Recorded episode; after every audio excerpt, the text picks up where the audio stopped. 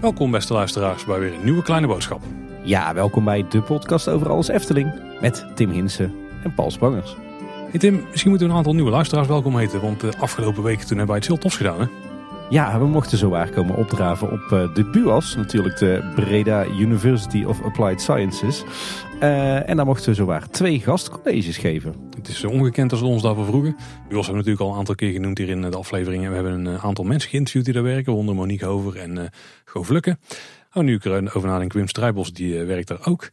Ja, we mochten daar dus gastcolleges komen geven Tim, in het Engels. Dat was even wat anders dan een podcast opnemen. Dat was even schakelen, ja. maar wel heel, heel leuk en heel veel geïnteresseerde mensen daar. Die volgens mij precies midden in onze doelgroep vallen. Ja, twee keer een lokaal vol met toch denk ik een stuk of vijftig studenten. Ja. Maar laten we aan het eind van de aflevering nog even terugblikken op onze twee gastcolleges. Dan kunnen onze luisteraars ook een beetje laten horen wat we allemaal hebben lopen te vertellen op de BUAS. Ik was van tevoren wel een beetje zenuwachtig, maar gelukkig pakte het uiteindelijk toch goed uit. Aan de hand van de reacties die ik heb gehoord, klopt inderdaad ja. Nou, voordat we naar de follow-up gaan, we hebben ook nog één nieuw ding eh, vanuit Kleine Boodschap zelf. En dat is namelijk een voor je pot. Maar daarover vertellen we alles aan het eind van de aflevering. Ook waarom we er eentje in het leven hebben geroepen. Dus daar later in de aflevering. Tim, de follow-up. We gaan eens kijken naar aflevering 360. Dat was de vorige nieuwsaflevering. Toen hebben we het onder andere gehad over de abonnementsprijzen. En Efteling heeft op social media de redenen aangegeven voor die verhoging daarvan. Ze zeggen zelfs dat voor het behoud en de continuïteit van de Efteling heel belangrijk is om te blijven investeren. Dat is kostbaar en daarom is deze prijsverhoging nodig. Ja, heel begrijpelijke uitleg. Je kon duidelijk zien dat ze dit van tevoren hadden klaargezet voor het geval er een hoop ophef zou uitbreken over het, eh, de verhoging van de abonnementsprijzen. Maar uh, ik denk toch al tot onze verbazing is die ophef uh, zo goed als helemaal uitgebleven. Hè? Ja. Lijkt erop dat iedereen die, die prijsverhoging gewoon accepteert en snapt. We hadden het in de vorige nieuwsaflevering natuurlijk ook over het groot onderhoud aan de Piranha. En uh, daar leerden we onder andere dat de volledige besturing van de Piranha vervangen gaat worden. Uh, dat leek er toen nog op dat het uh, zou gaan om de originele besturing van de, van de attractie, dus van maar liefst 40 jaar oud. Maar inmiddels liet Erwin ons weten dat in 2005 al eens de volledige besturing van de Piranha is vervangen. Dus het gaat over een besturing van een kleine 20 jaar oud die nu vervangen wordt. Dat lijkt me een prima afschrijvingstermijn voor besturingstechniek. Ja, en ook de vorige aflevering hadden we het over de nieuwe vlamwerpers bij Ravelijn. En ik denk dat de mensen van Showtechniek even goed moeten opletten. Want we kregen daar wat feedback over van Glenn. We hebben toen gezegd dat het ging om het oude systeem. Tenminste, daar leek het op. Hè, met hetzelfde, dezelfde vlam, ja, vloeistof dachten wij dus. Maar Glenn die zegt dat het wel degelijk een ander type is. Het oude systeem werkte dus met een vloeistof. Het nieuwe systeem betreft echter de Flamaniacs van de firma Magic FX. Goeie naam. Zeker. Dit zijn gewoon los te plaatsen units die je via DMX kunt aansturen. Deze werken op gas en zelfs de richting van de vlam is bij deze instelbaar. Op het moment dat de draak verslagen wordt bewegen de vlammen dus nu ook op en neer en van links naar rechts. Lijkt me een slimme keuze, want volgens mij is het risico op eh, brand een stuk kleiner nu. Gas vervliegt natuurlijk, dus hooguit krijg je een vlam die even kort er is in de lucht. Maar als je natuurlijk een vloeistof hebt die blijft liggen en die brandt wat langer. En dat was natuurlijk het, het euvel de laatste keer. Dus zeker een slimme wijziging, ja. Ja, en we hadden het eh, in de vorige nieuwsaflevering ook over de nieuwe zoete seizoenspannenkoek bij eh, Polles Keuken. De apfelstrudel pannenkoek. En daar zat een raar kwakje bij. Ik dacht nog uh, met enige creativiteit dat het mascarpone was met karamel zeezoutsmaak. Maar het zou gaan om zure appelcrème. Heb je hem nog een keer op Tim, die pannenkoek? nee. Ga je nog een keer proberen? Nee. Wat was de beste pannenkoek ooit bij Polles Keuken? Ja, natuurlijk de schrobbelair pannenkoek. Hè? Zeker. En Tim, laat ik daar nou mooi nieuws over hebben. Nee, sorry luisteraars, hij komt niet terug. Maar we kregen onder andere van Johan Boutkamp, dat was de eerste waarvan we het hoorden. Maar uiteindelijk zijn we door meerdere mensen erop gewezen. Dat er uh, een schrobbelair kookboek is uitgebracht. Die had hij toen opgehaald bij de fabriek. En wat staat erin? Ingezonden door Polles Keuken. Staat ook vernoemd op de pagina. Juist de schrobbelair pannenkoek. Kijk. Dus als je zelf wil weten hoe je die thuis kunt koken, dan moet je even naar schrobbelair.nl gaan en dan kun je daar in de webshop het kookboek bestellen. Ja, en ik, heb, ik zag een screenshot voorbij komen van de twee pagina's waarop de pannenkoek is beschreven. En het recept is inderdaad één op één hoe ze hem in Polles keuken maakten. Volgens mij was wel de portie vrij groot voor 11 man of zo. ja. Misschien natuurlijk Tilburgse hoeveelheden. Ja, in ieder geval super leuk om te zien dat dus gewoon het team van Polles Keuken dit recept heeft ingezonden bij Schrobbelair. Sowieso, ik, dus de enige pagina's die ik heb gezien van het kookboek ging ook over die uh, pannenkoek. Maar het kookboek ziet er echt super tof uit. Die vormgeving van die pagina's was echt top. Als de rest van het boek ook zo is, dan... Uh... Nou, op de website van Schrobbelair heb je een preview, dus kan je een aantal pagina's zien. Het is misschien een beetje laat om zo in de schoen te stoppen van iemand, maar voor de kerstboom gaat het cadeau denk ik. Maar natuurlijk alleen als je 18 jaar of ouder bent. Uiteraard. Tim dan door naar de hoofdonderwerpen en dan uh, laten we maar eens beginnen met hetgene wat een beetje affiniteit heeft met het weer op dit moment. De winterwrestling 2023-2024, want die is ja. natuurlijk in volle gang. En het is ook eindelijk koud. Ja, ik moest zo waar mijn ruiten krabben voordat ik hier naartoe kon rijden. In de avond zelfs nog. Ja, Daar zat de voorste erger op. Hey, misschien wat ontwikkelingen even aanhalen ten opzichte van de vorige aflevering. Want je ziet ook altijd dat in die eerste weken van zo'n evenement er toch nog wat wordt gefine-tuned. En dat Ja. er nog wat kleine elementjes missen. Wat, eh, wat hebben we allemaal nog niet besproken de vorige keer wat wel noemenswaardig is? Nou, de vorige keer hadden we het er onder andere over dat er eh, speciale gethematiseerde pjotterknuffels te winnen waren op de warme winterweide. Hè, bij die spelletjes die je kon spelen. Eh, maar dat blijkt niet het geval te zijn. We hebben alleen een paar proefexemplaren gezien. Want eh, er zijn wat leveringsproblemen. Waardoor die knuffels dus nog niet geleverd kunnen worden. Oei. Ja. Er is er ook een Pjotter-pin natuurlijk. Die is inmiddels uitverkocht. Dus ook daar kun je geen Pjotter merch meer krijgen. Heel jammer, want de Efteling had zelf aan, eh, aangegeven dat ze ervoor zouden zorgen dat de oplage dusdanig hoog was dat die langere tijd beschikbaar zou zijn. Dat gebeurt bijna nooit als ze de pin oplagen onderschatten natuurlijk. Nee, dus ben er nog steeds op tijd bij. Hey, en heel opvallend, we hadden het natuurlijk de vorige keer al over dat eh, de Sinterklaas op de eh, Sinterklaasfontein op de Sint-Nicolaasplaats verdwenen is voor onderhoud. Maar wat is nou leuk? De Efteling heeft ook dit jaar wel degelijk eh, Sinterklaas met zijn paard O zo snel weer in Carnaval Festival geplaatst. Wat is nou bijzonder? Sinterklaas kwam natuurlijk op 18 november aan in Nederland. Was ook vanaf die dag te zien in eh Carnaval Festival. Alleen op 20 november sloot de attractie al voor onderhoud. Dus iedereen dacht, wat, een, wat een hoop moeite om eh, dat beeld dan in die attractie te zetten voor twee dagen. Waarvan één dag zelfs een uitkoopdag was. Eh, maar wat blijkt, ze hebben Sint en O zo snel verplaatst naar de winkel Jokies Wereld. Nou, dat is op zich wel een aardige plek om er neer te zetten. Ja. Ja, heel tof, want je kunt ze nu van heel dichtbij zien en ook vanaf de achterkant bekijken. En dan, eh, dan valt toch op hoe ontzettend mooi en gedetailleerd dat, eh, dat deze twee figuren zijn gemaakt door decoratievormgeving. Als we het toch hebben over Sint-plaatsingen binnen de Efteling. Is het beeldje van Sinterklaas weer terug op Sint-Nicolaasplaats? Nee, Oeh, dat is wel slechte timing. het is inderdaad, eh, wij, wij dachten nog van misschien dat het een hele korte onderhoudsbeurt is en dat Sinterklaas toch op tijd terug op de fontein staat. Maar het is gewoon een hele gekke planning. Dus de volgende doel is om hem voor 5 december daar weer op de sokkel te hebben staan. Ik verwacht eerlijk gezegd dat dat niet gaat gebeuren. Ja, dat is toch slechte timing. Als je hem één keer in een zoveel jaar in onderhoud doet, dan valt precies in de periode dat hij in het land is. Eh, ja, een beetje onhandig inderdaad. Hey Tim, er is ook eh, nieuwe wintermerchandise in de Efteling. Want naast de, de trui die natuurlijk te kopen is, kunnen we ook een eh, blauwe winterhoodie kopen. Met zo'n ijskristal erop en een Efteling op de voorzijde. En ook een tof detail is dat aan de binnenkant van de muts wat de Eftelingse details zijn aangebracht. Kosten zijn eh, 45 euro. Best pittig voor een hoodie. Ja, maar het is niet de enige hoodie voor die prijs, want ze hebben nog meer hoodies uitgebracht. Die hebben dan verder geen relatie tot de winter Efteling, maar laten we ze meteen even meenemen. Die zijn er in roze en geel met op de voorzijde een patroon van Eftelingse krullen. En daarin verwerkt zijn allerlei eh, bekende silhouetjes van eh, de attracties en een figuur uit de Efteling. En de naam Efteling volgens de oude layout. Heeft het draagvlakken met het behang wat je ziet in eh, het hotel? Nou, ik dacht eerder aan de personeelskleding, aan de blouses. Oh, die. Oh, vet. Oké. En die kost ook 45 euro. Voor de kinderen is hij wat zachter geprijsd, want daar kun je hem voor 27,50 voor aanschaffen. Ja, ik moet zeggen dat ik deze niet zo heel fraai vind. Zo knalroze en knalgeel zijn toch niet kleuren waar ik snel in zou gaan Ja, had rondlopen. ik niet helemaal verwacht, nee. Overigens had jij het net over de, de wintertrui. Dit jaar natuurlijk met Droomvlucht thema, of eigenlijk met Hemelburg thema. Die is inmiddels ook uitverkocht. Oh, de Clone Dark was een, een gouden greep. Absoluut. Er zijn best wel wat mensen in mijn omgeving die hem bemachtigd hebben. Dus ik kom hem bijna dagelijks tegen op dit moment. Eh, maar jammer genoeg heb ik zelf eh, misgegrepen. Hm. We hadden het in de vorige nieuwsaflevering ook over een hoop eh, moving heads. Van die beweegbare lampen die op het dak van Symbolica zijn geplaatst. We wisten toen nog niet waar die voor bedoeld waren. Maar die blijken inderdaad eh, bedoeld te zijn voor de lichtshow in de avonduren. En hoe ziet er dat dan uit? Het zijn eigenlijk eh, een hoop bundels wit licht die in de lucht schijnen. En dat combineert dan mooi met dat showtje met die, die twinkels die door lasers worden gecreëerd. Hm. Op en rond het amulet op de voorgevel van Symbolica. Ziet er heel vrij uit.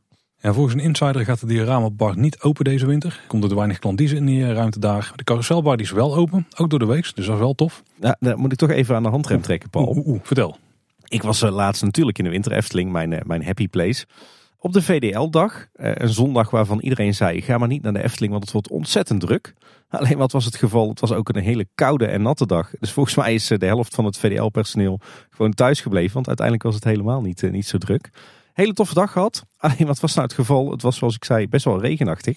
Dus wij waren al zo slim geweest om van tevoren bij, eh, bij de Lidl onze lunch te halen. Want ja, de ervaring leert toch als je op een koude en natte dag in de Efteling wil lunchen, dan is dat best wel lastig eh, met de capaciteit eh, van de horeca. Dus wat dachten wij nou van, hé, de carouselbar is open, dus wij gaan met onze broodjes naar de stoomcarousel. Dan pakken we daar een mooie tafel in de salon rond de carousel. Dan halen we nog een lekker bakje koffie en warme chocomel.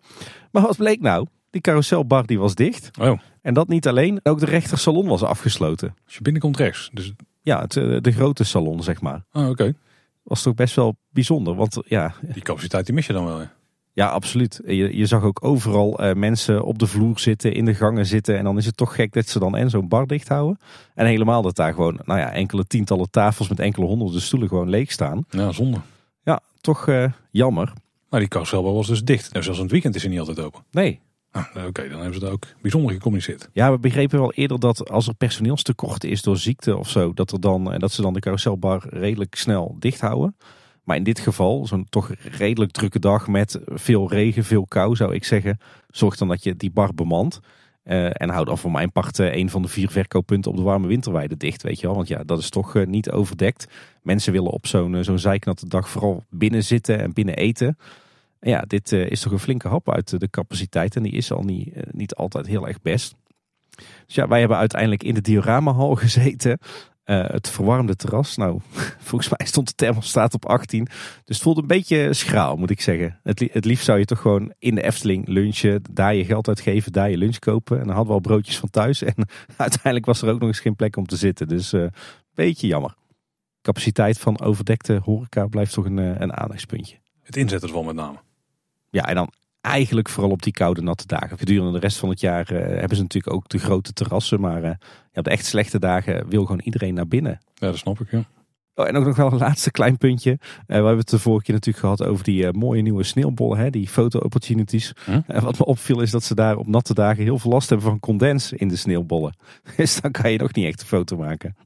Hey Tim, ik ben eigenlijk wel benieuwd wat jouw verdere ervaringen zijn met de Winter Efteling. Om een of andere reden ben ik er zelf gewoon nog niet geweest. Dus ongelooflijk. Ik ben één keer in de Efteling geweest tijdens de Winter Efteling, Tim. Maar het resultaat daarvan, dat hoor je volgende week. Maar vielen jou nog bijzondere dingen op? Ja, nou, de, tijdens de vorige nieuwsaflevering was ik natuurlijk al een keertje geweest. Maar uh, inmiddels wel nog een paar, paar nieuwe dingen gedaan. Afgelopen weekend zijn we eens lekker gaan schaatsen op de nieuwe schaatsbaan. Viel me op dat die een stuk groter is dit jaar. En het is echt een hele toffe baan hoor. Een toffe baan, hoe kan de schaatsbaan tof zijn? Nou, gewoon lekker groot, veel ruimte. Uh, een hoekje voor de, voor de kleine kinderen die, uh, oh, okay. die uh, even wat beschut moeten staan omdat ze nog niet zo best kunnen schaatsen.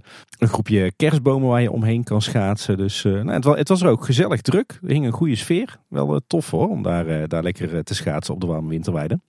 Wat voor ons ook iedere keer wel een must-do is, is toch even bij Zang en Gelukkig gaan kijken.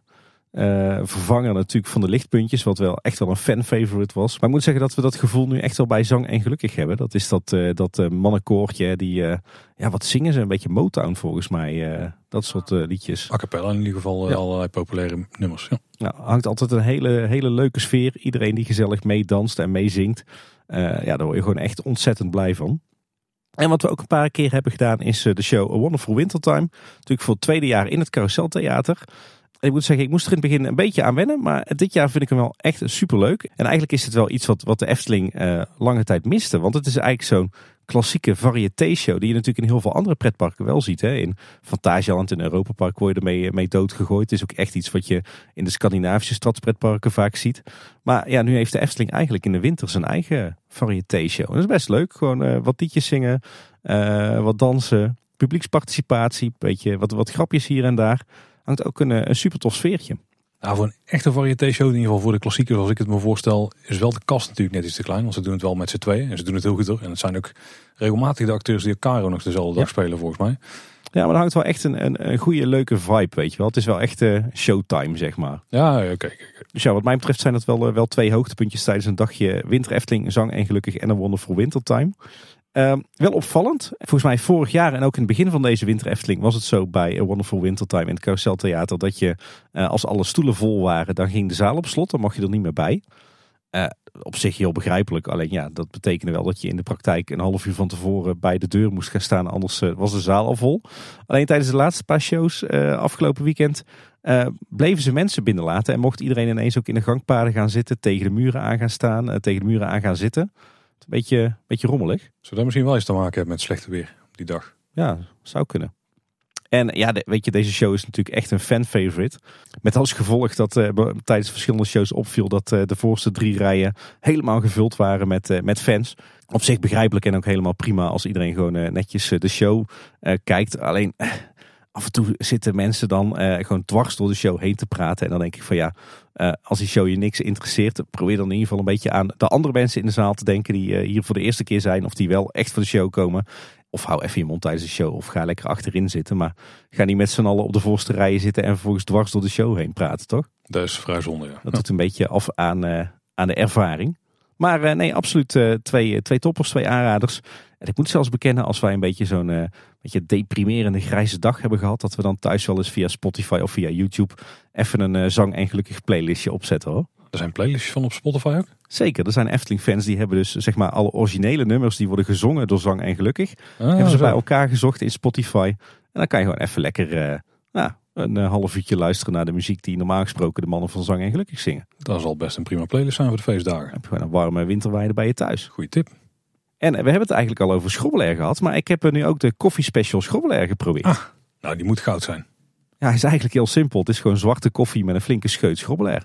Ja, dat klinkt als een goede combinatie. Ja, en dan moet je slagroom bovenop. Hij is uh, best uh, pittig. Je, je, krijgt wel even een lekkere boost. Uh, zwarte koffie en schrobbelair. Op twee manieren worden warm van. Zeker. Hey Tim, misschien moeten we het nog eens een keer uitgebreid hebben over wat we vinden van de huidige staat van de winterefteling. Maar dat is voor een toekomstige aflevering. Maar ik heb in ieder geval ook een hoop mensen om ons heen toch wel horen mijmeren en horen verlangen naar die, die wintereftelingen van vroeger. Nou, mocht je ja, ik ging wel op twee gedachten hoor. Ja, jij ja, ik moet zeggen, niet, vroeger was niet alles beter hoor. Zit je nou gewoon mijn houten bruggetje helemaal uh, kapot te zagen? Zit je daar de, de staanders onderuit te zagen? Dat is een uh, ware Max Moritz. Want waar ik naartoe wilde is dat Leon Efteling, een vriend van de show, dat hij foto's heeft geplaatst van de winter Efteling van 2001. En dan kun je toch wel duidelijk zien dat vroeger niet per se alles beter was. Ik uh, zaakte jouw bruggetje niet kapot, Paul. Ik er juist aan mee. Nou, je wou er eigenlijk een schans voor, zodat we er gewoon finaal overheen konden springen. Nee, heel tof inderdaad. Leon, een goede vriend van mij, die heeft eh, heel veel eh, van zijn oude foto's is die op, eh, op Twitter aan het plaatsen. Je ziet af en toe mij ook nog in een hoekje voorbij komen ja, als je goed oplet. rugzak op of zo. Ja, ja, ja. Maar en een hele toffe collectie foto's van de Winter Efteling 22 jaar geleden. En dan zie je inderdaad hoe anders dat het was. Nou, en hoe leeg het op heel veel plekken was. Maar nogmaals, de Winter Efteling is en blijft echt wel mijn, mijn happy place. En er komen nu natuurlijk, tenminste op het moment dat deze aflevering uitkomt, zitten we natuurlijk midden in de Great Depression. Want ja, twee weekenden zonder Winter Efteling. Hmm. Voelt een oh. beetje als, als de drooglegging in Amerika. Nou, we hebben straks nog even over openingstijden, Tim. En er zitten toch wel wat lichtpuntjes in. Niet degene die zingen, maar je snapt wat ik bedoel. Ja, ik kan niet wachten op dat abonnement waarmee je ook gewoon tijdens de uitkoopweekenden naar de Winter Efteling kan. Die bestaat. Die kostte 12 keer 48 euro extra. Iets meer in de toekomst. Hey Tim, we gaan eens door naar het Huiverwoud. Want dat project dat gaat echt enorm hard. Eh, maar voordat we naar eh, de stand van zaken gaan kijken, eerst nog iets over de muziek. Die is namelijk recent opgenomen zoals we eerder al konden melden. Zoals je kon zien in eh, de laatste making-of van Dans Macabre. In de Daft Music Studios. En die zijn gelegen in het Waalse stadje Malmedy. En die staan onder leiding van dirigent Jean-Pierre Haak. Geen familie van kapitein? Je schrijft het op zijn Eftelings met A-E-C-K. Dus ik kan me niet voorstellen dat dat familie is. En als we het toch over de studio's hebben waar Efteling muziek wordt opgenomen. De Galaxy Studios hebben we al regelmatig genoemd. Die uh, bevonden zich in Mol. En ik moet het in verleden tijd zeggen. Uh, want die is uh, failliet. Dus dat is enorm zonde. Want er zit wel wat Efteling historie in. Onder andere Bron 1898. En de Symbolica muziek. Die zijn er opgenomen door René. Maar ook de parkmuziek en Aquanura. Ja, zou dat de reden, reden zijn waarom ze inmiddels zijn afgezakt naar Malmedy? Ja, dat weet ik niet. mocht het niet zo zijn en de Efteling komt daar niet meer opnemen. Misschien dat meer mensen die keuze maken of meer bedrijven. Dat omdat er misschien betere alternatieven zijn. We weten het niet, we zitten helemaal niet in die wereld. We kennen vooral één studio heel goed. Maar dan kan er wel de reden zijn dat uh, ja, als er minder inkomsten zijn, dat dan ook niet zo goed gaat. Al waren er wel volgens mij uh, partijen die weer iets met die studio wilden gaan doen.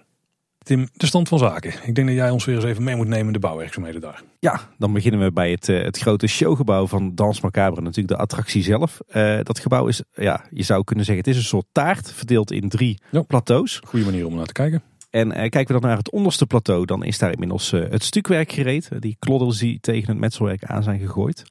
er wordt hard gewerkt aan het, het middelste segment van de taart. Daar is al het metselwerk klaar en dat ziet er even los van het feit dat het wel heel erg strak is, ziet het uh, prachtig uit. Met hele mooie gotische ramen met van die uh, spitsbogen en uh, hele mooie sluitsteentjes in het metselwerk verwerkt. Met daarin ook weer ja, allerlei verwijzingen terug naar het spooksel. Het ziet er prachtig uit. En op die etage van de taart wordt ook volop gewerkt aan stukwerk nu. En dan hebben we nog het bovenste segment van het gebouw, net onder het dak als het ware. En daar zijn ze nu ook al aan het metselen. Dus de gevel is aan de buitenkant bijna helemaal dicht. Gaat hard. Wat grappig is, is dat je op de begane grond op het maaiveld uh, de uitgang van de souvenirwinkel al goed kunt zien. En ja, als je daar door je oogharen naar kijkt, dan zie je echt één op Ja. één de oude ingang van het spookslot. Ja, zeker. Ja. Echt heel gaaf gedaan. Tenminste, alle elementen van metselwerk en beton. Want er zijn wat, wat plekken leeggelaten. Maar ik denk dat we daar eh, eh, wat polyester decor elementen gaan krijgen. We zien ook hier en daar op de begane grond wat echte ramen in de gevel. Eh, verwacht je misschien niet in een vervallen abdij. Maar ik denk dat dat is om er ook voor te zorgen dat wat licht in de winkel kan vallen.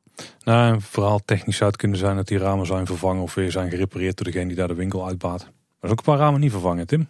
Nee, klopt. Want er zijn ook verschillende ramen en deuren op de begane grond eh, dichtgetimmerd met eh, houten planken. Beetje schots en scheef, ook weer in verschillende blauwtinten. Zoals we dat ook zien rond in de Zwarte Kat en de Laatste Hoop. Het deed me een beetje denken aan volgens mij de eerste versie die we daarvan zagen. Er stond er zo'n schutting. Die had ik iets, ja, iets meer bontere kleuren en iets meer schots en scheve planken erop zitten. Beetje cartoon inderdaad. Het Neigde zelfs een beetje naar Max en Moritz. Daar maakte, werd ik wel een grapje over gemaakt van om de gebieden een beetje bij elkaar te trekken.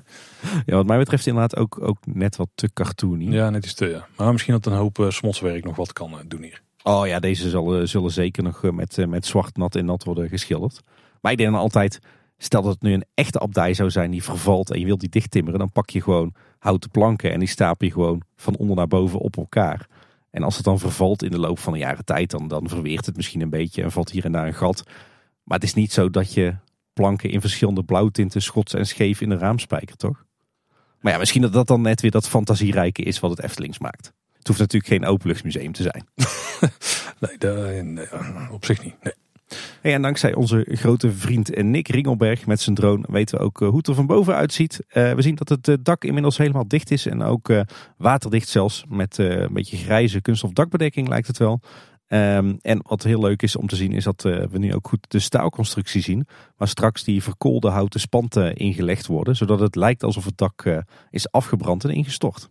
En als we dan in het Huiverwoud zelf gaan kijken, dan bedoelen we het wachtreisgebied. Dat is wat richting het oude hekspad gaat. En zo even wennen hè, wachtrij of wachtreis. Ja, ik heb recent andere mensen ook dezelfde termen door elkaar horen halen. En ze zijn ook, eh, ze zijn ook verwisselbaar volgens mij. Moeten we niet eh, de term meanderreis invoeren dan? Poeh, Tim, nee. Dat kan, ja, als die heel lang duurt misschien. Dat je ook een rugzak mee moet nemen en een lunchpakketje en zo. Nou, ik zie het wel gebeuren hoor. Dat klinkt trouwens een beetje als die wachterij in eh Energieland. Ja. Maar eh, dan moet je maar een paar afleveringen terug even checken. Of Schiphol, anderhalf jaar geleden. Eh, ja, ook ja.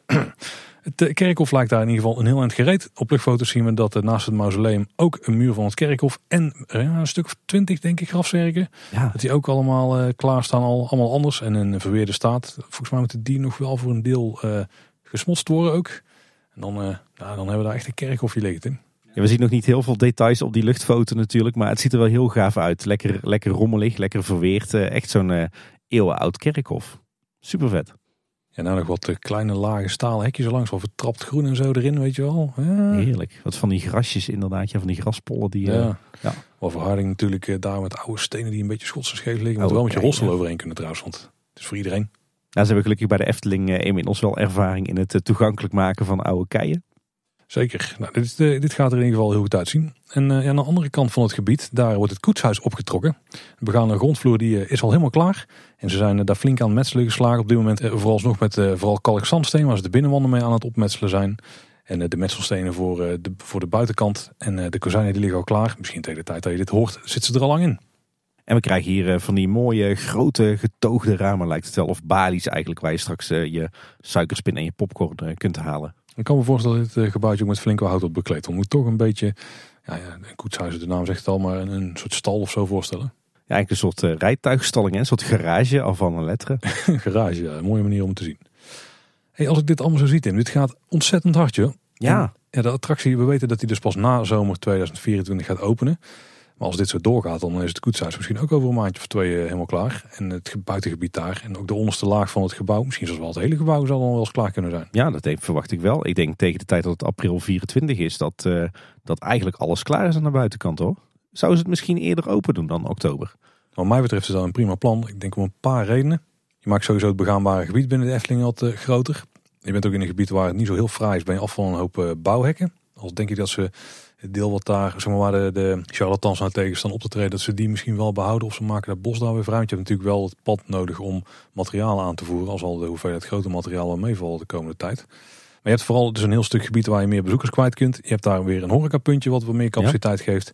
Die eh, toiletten liggen niet meer in zo'n verdomhoekje. En je hebt dus ook een betere plek waar eh, de charlatans kunnen gaan optreden. Het is wel zo dat dan Het buitengebied daarvoor is nu natuurlijk nog wel één grote bouwplaats ook. Dus we zouden wel helemaal moeten verharden. Het groen zou erin moeten gaan. Maar dat kan volgens mij ook wel. Ja, dat kan wel, maar dat kost nog wel wat tijd.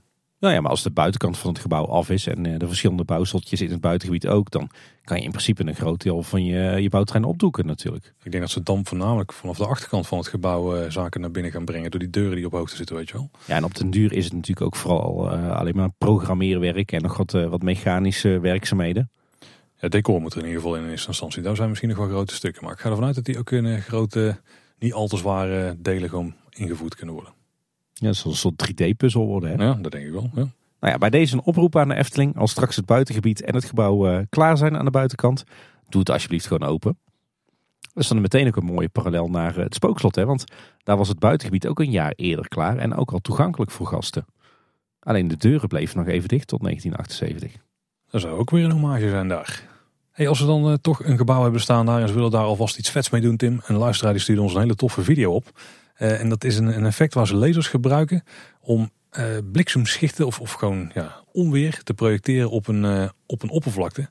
Ik denk dat het echt een super vet effect zou zijn om heel af en toe zo erin te slingeren bij Dans Macabre. Ja, echt heel gaaf. Tof filmpje. We zullen een linkje naar de YouTube video in de show notes plaatsen. En ik geloof dat het effect rond uh, seconde 25 te zien is. Hè? Ja, ik zou zo de eerste minuut gewoon even kijken. Echt, echt heel vet wat ze daar doen met lasers. En ook wel interessant, want een element waar we vaak niet zoveel van horen is wat nou de bedrijven doen die de bouwwerkzaamheden voor de Efteling uitvoeren. De Efteling heeft natuurlijk zelf een hoop vakmensen. Maar er zijn er niet voldoende om een groot project in één keer aan te, te vliegen qua eh, metselwerk, qua timmerwerk, qua gewoon grote constructies bouwen en zo. Daar huren ze altijd externe partijen voor in. Nou, bij kleine boodschappen hoor je daar meestal wel wat over. Uh, een van die bedrijven is natuurlijk Heijmans. Maar een andere betrokken partij bij in ieder geval Dans Macabre is uh, Van Aken. En die hebben nu zelf, tenminste Heijmans heeft nu een artikel online gezet waarin ze dus vertellen hoe ze nou bouwen aan de verhalen en aan de sprookjesachtige Efteling. Ja, best wel bijzonder, want uh, normaal gesproken mogen aannemers en leveranciers van de Efteling zelf niet naar buiten treden met dit soort verhalen. Normaal gesproken moeten ze zelfs een beetje in de anonimiteit blijven, bijna op zijn Disney's. Maar uh, ja, dit, dit zal natuurlijk wel goed overlegd zijn uh, met de Efteling. Volgens mij zit ook de inkoper van de Efteling in het, in het interview. Maar inderdaad een interessant artikel als je wat meer wil weten hoe de samenwerking verloopt tussen de Efteling en Heijmans. er zitten wel twee slordigheidsfoutjes in. In het artikel is terug te lezen dat Dansparkamer in 2025 gaat openen. Nou, ja. laten, laten, we hopen dat uh, ze geen voorspellende gaven hebben bij, uh, bij Heijmans. En het gaat uh, over de gemeente Kaatsheuvel. Ja, die bestaat toch niet voor zover ik weet. In ieder geval nee. niet in Nederland. Gevoelig puntje binnen onze gemeentegrenzen. Ja. Het is al heel wat dat het gemeentehuis van Loon op Zand in Kaatsheuvel staat. Laat staan dat we het nu ook de gemeente Kaatsheuvel gaan noemen. Het is een beetje waar die grootste leveranciers bij de Efteling ook allemaal bij betrokken zijn. Nee. Dat weet je wel, want je ziet het gewoon in het draaiboek. bij de infraprojecten van de Efteling. Nou ja, Heijmans technisch gezien niet hoor. Nee, maar wel andere grote leveranciers. Ja, dat is waar. Dat is waar. Zoals Schubbels bijvoorbeeld. Vragen.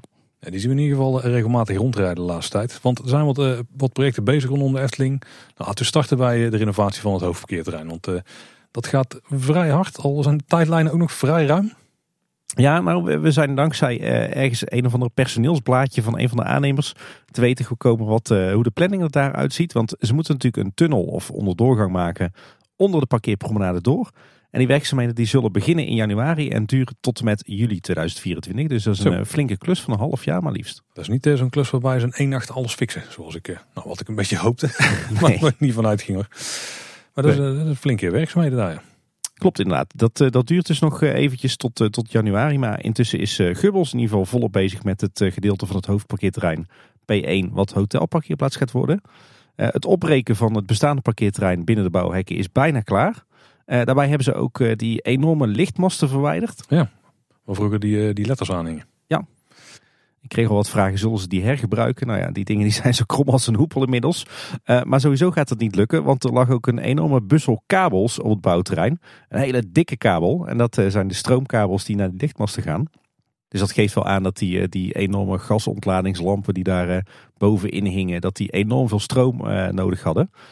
maar die kabel is eruit geriekt. Dus ik denk dat dat betekent dat we straks een ander soort lichtmasten op het hoofdparkeerterrein krijgen. Misschien wel LED. Scheelt natuurlijk enorm veel energieverbruik. Ja, misschien ook wel meer een thema. Of tenminste wat meer gethematiseerde lichtmasten zou wel heel tof zijn. Ja, en ik denk ook wat, wat lager. Want dit waren natuurlijk enorm hoge masten. Uh, misschien daardoor wel wat meer. Uh, maar ik denk onderaan de streep qua energieverbruik dat het sowieso uh, 10% zal zijn dan wat die lichtmasten nu verbruiken. Wat natuurlijk enorme vermogens zijn. en wat ik ook wel hoop is dat we als we hier andere verlichting krijgen, dat er ook minder lichtvervuiling gaat zijn. Want als je nu s'avonds of s'nachts langs de Efteling rijdt, dan hangt er echt een enorme gele gloed boven de Efteling. En die komt echt van die grote lichtmasten van het parkeerterrein af. Hm. Nou, verder wordt nu volop gewerkt aan het grondwerk van het, het nieuwe hotelparkeerterrein. En wat je goed kunt zien op luchtfoto's, ook weer van Nick Ringelberg, is dat een groot gedeelte van de puinbaan voor de inrijstrook van de hotelparkeerplaats inmiddels al klaar ligt. Dus daar zal binnenkort ook al asfalt op gedraaid worden. Uh, en wat ook opviel is dat aan de andere kant van de parkeerpromenade, tussen dat nieuwe toiletgebouw en het voorplein van het Huis van de Vijf Zintuigen, dat ze daar ook een hele hoek aan het leegmaken zijn. Dus blijkbaar gaan ze ook aan die kant van de parkeerpromenade al werken aan de hotelparkeerplaats. Nou, misschien hebben ze die hoek daar uh, wel leeggeruimd in. Omdat ze een, uh, moeten natuurlijk de mensen die daar over de parkeerpromenade lopen, die moeten natuurlijk omleiden. Misschien gaan we dan wel links om het servicegebouwtje heen lopen. Want dat tussen, tussen het servicegebouw en het toiletgebouw, daar komt eigenlijk die onderdoorgang. Nou, dan pakken ze daar nog een meter of eh, 10 tot 15 of zo links van. Misschien wel meer. Ze moeten daar die, die ramp maken. Maar in ieder geval in het begin. Dat we links om die gebouwen heen lopen. Dan eens over dat leeggeruimde hoekje lopen. En dat we vanaf daar gewoon weer de parkeerpromenade volgen. En ik denk dat ze misschien ons initieel weer die kant omleiden. Zodat ze dan aan de andere kant van de parkeerpromenade alles gewoon in één keer in orde kunnen maken. Dan gooien we als we dicht, gaan we gewoon weer eroverheen. En dan maken ze de ramp aan de andere kant klaar. Of de, de helling. Slimme gedachte. Leuk detail is trouwens dat als je vanaf eh, P2 komt, hè, zeg maar het parkeerterrein aan de andere kant van de Kinkerpolder, dat er nu op de bouwhekken echt een gigantisch bord uh, hangt met daarop uh, de skyline van de Efteling. En in een mooie Eftelingse layout een verwijzing naar de ingang. Waardoor eigenlijk de, de vindbaarheid en de, de aankleding van de looproute tussen P2 en het hoofdparkeerterrein nu tijdens de bouw al beter is dan hoe het er daar eerder uitzag. We kregen een vraag van verschillende luisteraars. En die vroegen zich allemaal af wat we er eigenlijk van vinden. Dat de uitbreiding van het Sprookjesbos waarschijnlijk nooit meer gaat plaatsvinden. Vanwege het hotelparkeerterrein wat er gaat verschijnen. Ja, goede vraag. Ja, nou kijk, in de basis is het een heel simpel antwoord. Daar baal ik wel van. Ja. Uh, het Sprookjesbos is natuurlijk uh, een bos. En als je meer sprookjes daar kwijt wil, wat ze op lange termijn natuurlijk wel willen, heb je daar ruimte voor nodig. En als je die ruimte binnen het bos zelf gaat opsnoepen, dan maak je er steeds minder. Dan gaat het bossige er natuurlijk af. Want dan ligt er niet om na iedere slinger of na iedere paar slingers een sprookje. Maar dan is het ieder hoekje wat je omgaat, dan ligt er een nieuw sprookje meteen. En daar zou voor de uitstraling en de sfeer in het bos wel zonde zijn. En ik ben toch ook wel benieuwd, want dat was een beetje wat we verwachten. Misschien wishful thinking of zo, dat ze ook een, een klein, meer stedelijk uh, gebiedje dan zouden kunnen gaan toevoegen in het Sprookjesbos. En er is trouwens geen enkele reden dat dat niet meer zou kunnen. Want ze kunnen gewoon een deel van de, de personeelsparkeerplaats daarvoor opofferen. Of in ieder geval een stuk wat overblijft. Er blijven een paar stroken over. Zou je iets mee kunnen doen? Zou je een showgebouwtje richting de parkeerpromenade kunnen doen? Het is allemaal ideaal. Maar die mogelijkheid is er nog wel. En je zit nog steeds trouwens met de problemen van het spoor en zo. Eh, het is vooral dat ik heel benieuwd ben wat de Efteling zou kunnen maken als ze meer die kant op gaan. Uh, en nogmaals, als het bossige karakter van de sprookjesbos aan zou moeten gaan, omdat ze wel willen uitbreiden. Ehm, en geen oude sprookjes willen verliezen, dan zou er wel, uh, zou er wel zonde zijn. En misschien zou het effect wel zelfs wel zijn dat bepaalde oude sprookjes misschien een keer het veld gaan ruimen. Je kan je voorstellen dat de papegaai dan een van de sprookjes is die bijvoorbeeld gaat afvallen. Ja, maar is wel een van de tien eerste sprookjes, toch? Dat is, dat is zeker, Tim. Maar ja, dat was de Chinese nachtegaal ook. Dat is waar, ja. Maar die hebben we teruggekregen. Ja, nou, in zeer verbeterde vorm. dus als dat bij de papegaai ook kan gebeuren, dan zou ik het ook niet erg vinden. Hoor. Maar dat soort dingen, ja, dan moet je dan op lange termijn misschien wel gaan denken. Ja. Ja, ik vind het ook zonde hoor. En ik vind het ook een raar besluit. Want ja, weet je, eigenlijk was dit gebied was, ja, de enige logische manier waarop je het Sprookjesbos nog flink kon uitbreiden. Ja. Uh, wat echt wel nodig is gezien het enorme succes van het Sprookjesbos. En toch ook het feit dat het al zo ver voorgebouwd is. En dan vind ik het gek om eigenlijk die ontzettend waardevolle strategische grond om die dan te gaan gebruiken voor een stukje hotelparkeertrein. Terwijl je had toch ook best je hotelparkeertrein op de lange kant kunnen concentreren. En aan de korte kant uh, alleen een, uh, ja, een soort kiezer of zo. Of een soort afzetstrook uh, voor je bagage. En had de auto's verder aan, aan de andere kant gehouden. Dus ja, ik vind het een rare keuze. Ik had, ik had deze grond echt lekker gereserveerd gehouden voor de uitbreiding van het Sprookjesbos. Ook als je daar de komende tien jaar nog geen budget voor hebt. Ja, Weet je, laat het braak liggen of, of gebruik het dan tijdelijk als parkeerterrein. Eh, maar zorg in ieder geval dat je er altijd nog het Sprookjesbos die kant op kan uitbreiden. Maar goed, aan de andere kant, het wordt dan nu weliswaar hotel parkeerterrein. Maar dat kan je natuurlijk over 10 of 15 jaar ook weer aanpassen en opruimen. Dat klopt wel, maar je zit wel met die eh, helling die je daar gaat neerleggen. Ja, daar kun je niet zomaar een sprookje overheen eh, bouwen of zo. Doen ze in Fantasieland ook. Ja, maar het ding, dat heeft gewoon een bepaalde ruimte nodig om daar een bocht naar te kunnen maken en zo. En dat stuk snoep je natuurlijk altijd, altijd weg. Ja, vind het een, eh, een gekke beslissing. Eh, misschien een rigoureuze beslissing, laat het zo noemen. Zal vast wel lopen denkwerk in zijn gegaan, maar nou, nou, het voelt ergens wel zonde. Ook omdat wij niet die hotelgasten gaan zijn die daar nou, regelmatig gaan komen. We zullen misschien wel wat gaan eten, dus daar gaan parkeren. En dan zijn het faciliteiten waar je als de dagbezoeker niks aan hebt. Terwijl die ruimte er wel voor had kunnen inzetten. Voelt toch wel zonde ergens. Ja, en, en uitbreidingsgrond voor het park is zo schaars. Dus ik zou zeggen, als je hem dan hebt, gebruik hem daar dan voor. Absoluut. Dat is wel een mooi bruggetje, Tim. Want ze zijn natuurlijk wel ergens het park aan het uitbreiden op dit moment. Ja, zeker. En een belangrijk moment. Het hek wordt verzet. Het is ongelooflijk. Of nou ja, er wordt een nieuw hek geplaatst. Uh, ja, nou, dit is dus uh, een eerste bouwwerkzaamheid. Is dat een term? Ik vind het van wel. op, uh, op Strookrijk. Want ja, inderdaad, het hek wordt geplaatst. Nou, niet alleen het hek, ook de sloot die wordt gelegd as we speak. Wel vrij bijzonder trouwens. Ik liep daar van de week langs. En alles ze aan het uitvoeren in gele grond. Het heeft natuurlijk veel geregend in het begin van afgelopen week. En een deel van die sloot die was al weggespoeld. Gewoon door de hoeveelheid water die daar overheen ging. Maar er staat inderdaad een, een enorm zwart hek nu. Ja, en wat jij zei, ze hebben eigenlijk best wel een, een brede zone gemaakt. Tussen wat ooit attractiepark gaat worden en uh, de verlegde Horst, de weg die er langs ligt. Bijna een soort stuifzandgebied is het dankzij al die, dat, dat zand. Een geometrisch stuifzandgebied, hè? ja, strakke hoeken en zo. Ja, ze, ze, hebben, ze hebben er niet, niet echt een hele vlakke strook van gemaakt. Ze hebben een beetje de bestaande glooiing in het terrein gevolgd. Maar ze hebben wel alles, alles netjes strak afge, afgewerkt. Dus er ligt nu inderdaad een hele brede, diepe sloot. Uh, wat glooiing. Uh, ze hebben wat stobbelwallen gemaakt, zodat je niet uh, meteen het bos inkijkt. Wat er nog, althans, wat er nog, nog over is. Maar ze hebben dus inderdaad een hele brede zone eigenlijk kaal gemaakt om dat hek goed te kunnen plaatsen. Nog geen, nog geen grondwal om het, het, park zelf mee af te scheiden. Maar ja, dat is natuurlijk nog niet nodig. Zolang daar geen attractiepark ligt op het strookrijk.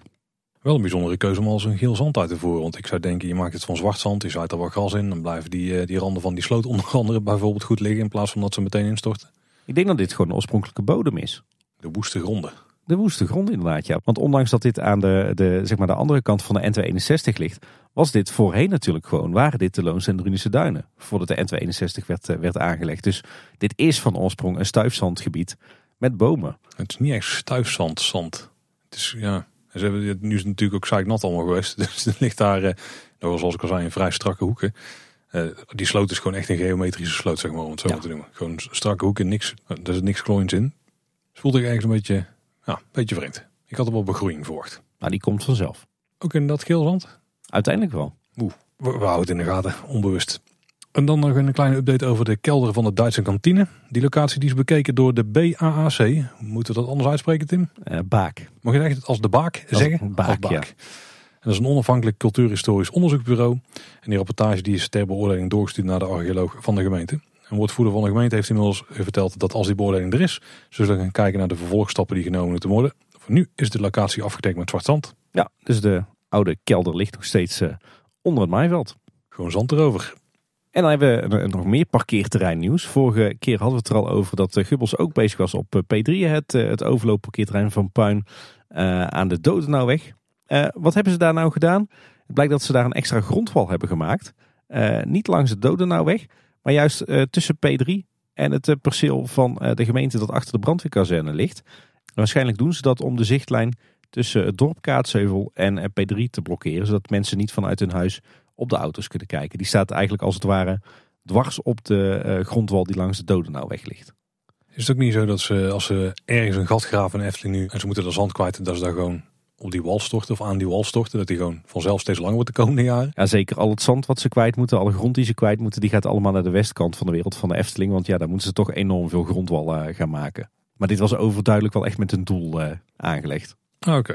En tot slot nog de uitbreiding van het parkeerterrein van Bosrijk. Of eigenlijk de, de hele vernieuwing van alle infrastructuur rond, uh, rond Bosrijk. Er is uh, hard gewerkt daar de afgelopen weken. De nieuwe losse rijstroken uh, vanaf de Eftelingse straat naar het parkeerterrein van Bosrijk. Hè, zodat er geen file meer ontstaat op de weg zelf. Die zijn inmiddels geasfalteerd. En ook is er een nieuwe brede strook asfalt langs de Eftelingse straat aangelegd. zeg maar ter hoogte van het poorthuis. Dus daar wordt inderdaad de weg een stuk breder zoals wij al verwacht hadden. Ja, dat begint al een stuk eerder op de, de weg. Hè? Die is echt al een paar honderd meter lang volgens mij. Ja, ja, ja. Bleef er nog een uh, flinke brede strook uh, over. Uh, maar blijkbaar komt daar geen weg of parkeerterrein in te liggen. Want ze hebben daar inmiddels de bermen afgewerkt met, met zwarte grond. Dus daar gaat gewoon gras komen of natuur. Lijkt er wel op dat er onnodig veel bos is gekapt hier om die weg aan te kunnen leggen. Maar misschien liggen er wat, wat kabels in of zo en is daarom al het groen weggemoeten. Maar dat wordt in ieder geval netjes, netjes afgewerkt. Hopelijk keert het bos daar vanzelf terug. En verder wordt er nu gewerkt aan een vrijliggende stoep vanaf het, het pad door het Duits bosje. Het Eftelingse pad is dat naar het, het, bestaande parkeertrein van Bosrijk. Zodat je niet meer daar, als je eenmaal bij het poorthuis bent, over de asfaltweg naar het, het parkeerterrein moet lopen. Dat lossen ze ook netjes op. En op het nieuwe gedeelte van het parkeerterrein wordt nu volop gewerkt door de groenaannemer. Daar zijn ze nu heel veel beukenhagen aan het aanplanten. En, let op, let op. Oh. Zelfs heel wat bomen. hey, goed bezig. En nog niet eens allemaal dezelfde bomen, maar allerlei verschillende soorten bomen door elkaar heen. Ja, daar zie ik wel meer in Efteling tegenwoordig. Dat het niet meer één soort boom is. Dat is wel tof. Ja, heel goed. voor de biodiversiteit hartstikke gunstig natuurlijk. Ook een paar hele mooie, brede, meerstammige bomen. Dus uh, het, uh, het zijn er niet zomaar standaard laanboompjes die ze daar neerzetten. Echt heel tof dat ze nu ja, eigenlijk voor het eerst een nieuw parkeerterrein gaan vergroenen. Laten we hopen dat we dat ook gaan zien op de andere parkeerterreinen de komende jaren. De parkeerterreinen bij het hotel worden in ieder geval groen. Maar laten we vooral hopen dat de rest van het hoofdparkeerterrein ook lekker groen wordt. Absoluut. Hey Tim, allemaal leuk. Die projecten waar ze nieuwe dingen aan het bouwen zijn. Maar hoe zit het met onderhoud? Ja, leuk dat je het vraagt, Paul. Spontaan ook, hè? Ja, inderdaad. Daar hebben we het anders nooit over. Nee. Nou ja, er is wel groot onderhoudsnieuws. Want uh, ja, toch een van de mooiste momenten in een jaar. Uh, de onderhoudskalender is weer geüpdate. En we zien nu uh, wat er tot en met mei 2024 aan onderhoud gaat gebeuren in de Efteling. Toch een beetje mijn raison d'être tegenwoordig. Ja, absoluut. Uh, even de highlights uit de onderhoudskalender pikken. Er zijn een aantal standaard wintersluitingen. Ravelijn gaat dicht van 8 januari tot en met 5 april. Uh, de Vliegende Hollander heeft ook een wintersluiting weer dit jaar van 8 januari tot en met 29 maart. Erg benieuwd of dat gewoon het, het jaarlijkse onderhoud is of dat ze toch weer een scène of iets dergelijks onderhanden gaan nemen. Joris en de Draak is natuurlijk op dit moment dicht voor de grote retrek. Gaat in de kerstvakantie weer open, maar gaat daarna van 8 januari tot en met 26 april uh, wederom dicht, ook in kleine vijf maanden. Dan uh, wordt die derde fase er in één keer doorheen geracht. Maar is dus wel tussendoor heel even open. Ja, van, ik zeg even uit mijn hoofd van 22 of 23 december tot en met 7 januari. Dus eigenlijk de twee weken kerstvakantie en het weekend ervoor. En dat vond ik tegen. Ik eigenlijk dat hij dicht zou blijven. Nee, nee, nee. Hij gaat tijdelijk in de kerstvakantie open. En dat is natuurlijk wel, wel heel mooi voor de capaciteit van het park. Uh, Archipel is van 11 tot en met 29 maart dicht. Toch een week of drie. het vermoedt dat ze dan weer wat met de vloer gaan doen daar. Maximoorts is dicht van 29 april tot en met 17 mei. Benieuwd of Mac dan aan de slag gaat om dat probleem te fixen met die, die treintjes die iedere keer doorschieten in het station en die niet meer tegelijkertijd aankomen. En verder zijn er nog wat korte onderhoudsbeurtjes, onder meer voor het badhuis, het zwembad van Bosrijk, voor de pagode, de stoomcarousel en de Python. Maar als we zo naar die, eh, die onderhoudsplanning kijken, dan uh, zit er denk ik weinig spannend nieuws tussen. Momenteel natuurlijk vooral groot onderhoud aan Joris en de Draak en de Piranha. En dat kost natuurlijk al aardig wat, wat miljoentjes. Dus nou, ik ben alleen benieuwd of dat ze bij de Vliegende Holland dus nog wat, wat dingen gaan toevoegen of gaan aanpassen. Maar anders is het qua onderhoud deze winter vrij overzichtelijk. Ja, nou, die krappe drie maanden die de Vliegende Holland dicht is, is nou, niet al te veel grote dingen kunnen erin verwachten, gok ik. Nou ja, dan uh, focussen we ons vooral op het uh, grote onderhoud van de Piranha. Want daar gaat natuurlijk wel alles veranderen. daar komen we dadelijk uiteraard even langs. Wat trouwens al uit onderhoud is, Tim, dat zijn de borden welkom en tot ziens die geplaatst zijn boven de voetgangerstunnel aan de parkeerpromenade. En die zijn op een paar punten aangepast, hè, die borden. Ja, eh, is wel grappig om te zien. We zullen even een voor- en een na-foto van Koshira uh, op Twitter in onze show notes plaatsen. Maar opvallend is inderdaad dat die borden toch qua layout wat zijn aangepast. De skyline van de Efteling is wat anders. De kleurstelling is net wat anders. de krolpatronen, typische Eftelingse krullen, die zijn veel beter zichtbaar. En op het bord aan de kant van het park, daar staat natuurlijk groot tot ziens op. Want dat is natuurlijk het bord wat je ziet aan het einde van je Eftelingdag. Daar zijn drie icoontjes toegevoegd. Eh, van taxi, bus en de Kiss and Ride. Zodat uh, duidelijk is waar die tunnel naartoe leidt. En dan gaan we het park in, Tim. En dan moet ik toch even checken. Hebben wij het onderhoud aan het onderhoudsblokje gedaan? Ik uh, zie het nu van niet. Ik ga het gauw voor jou fixen, Tim. Ik zie dat Fabula nog in ander rijk staat. Maar we beginnen in Fantasierijk. Tim, dus vertel ons, wat is daar allemaal aan de hand? Nou, goed nieuws over Symbolica. daar hadden natuurlijk lange tijd storing aan de fantasievaarders. waardoor dat de attractie een lagere capaciteit had. Uh, inmiddels is die storing verholpen. Attractie draait weer op volle capaciteit en je mag ook weer zelf een tour kiezen. En volgens Loopings zou er sprake zijn geweest van complicaties met de veiligheidsbeugels. Maar wat daar precies aan de hand was, uh, weten we niet. In ieder geval fijn dat het uh, weer werkt. En bij Keuken is natuurlijk net het groot onderhoud aan het gebouw afgerond. Maar toch staat de schoorsteen nu opnieuw in de stijgers. Uh, ze zijn daar wat aan het rommelen in het riet. En mij viel al eerder op uh, dat ze daar binnen na die onderhoudsbeurt wat, wat lekkages hadden. Dus ik vermoed dat ze ergens in de aansluiting tussen de schoorsteen en de dakbedekking dat daar een lek zit. En dat ze die nu aan het verhelpen zijn. Ik denk misschien staat die stijger daar om het Sinterklaas makkelijk te maken. Nou ja, alle Sinterklaas in de Efteling zijn van hun plek dus. Dat is waar, ja. Misschien zit het beeldje wel in de schoorsteen bij Polles keuken.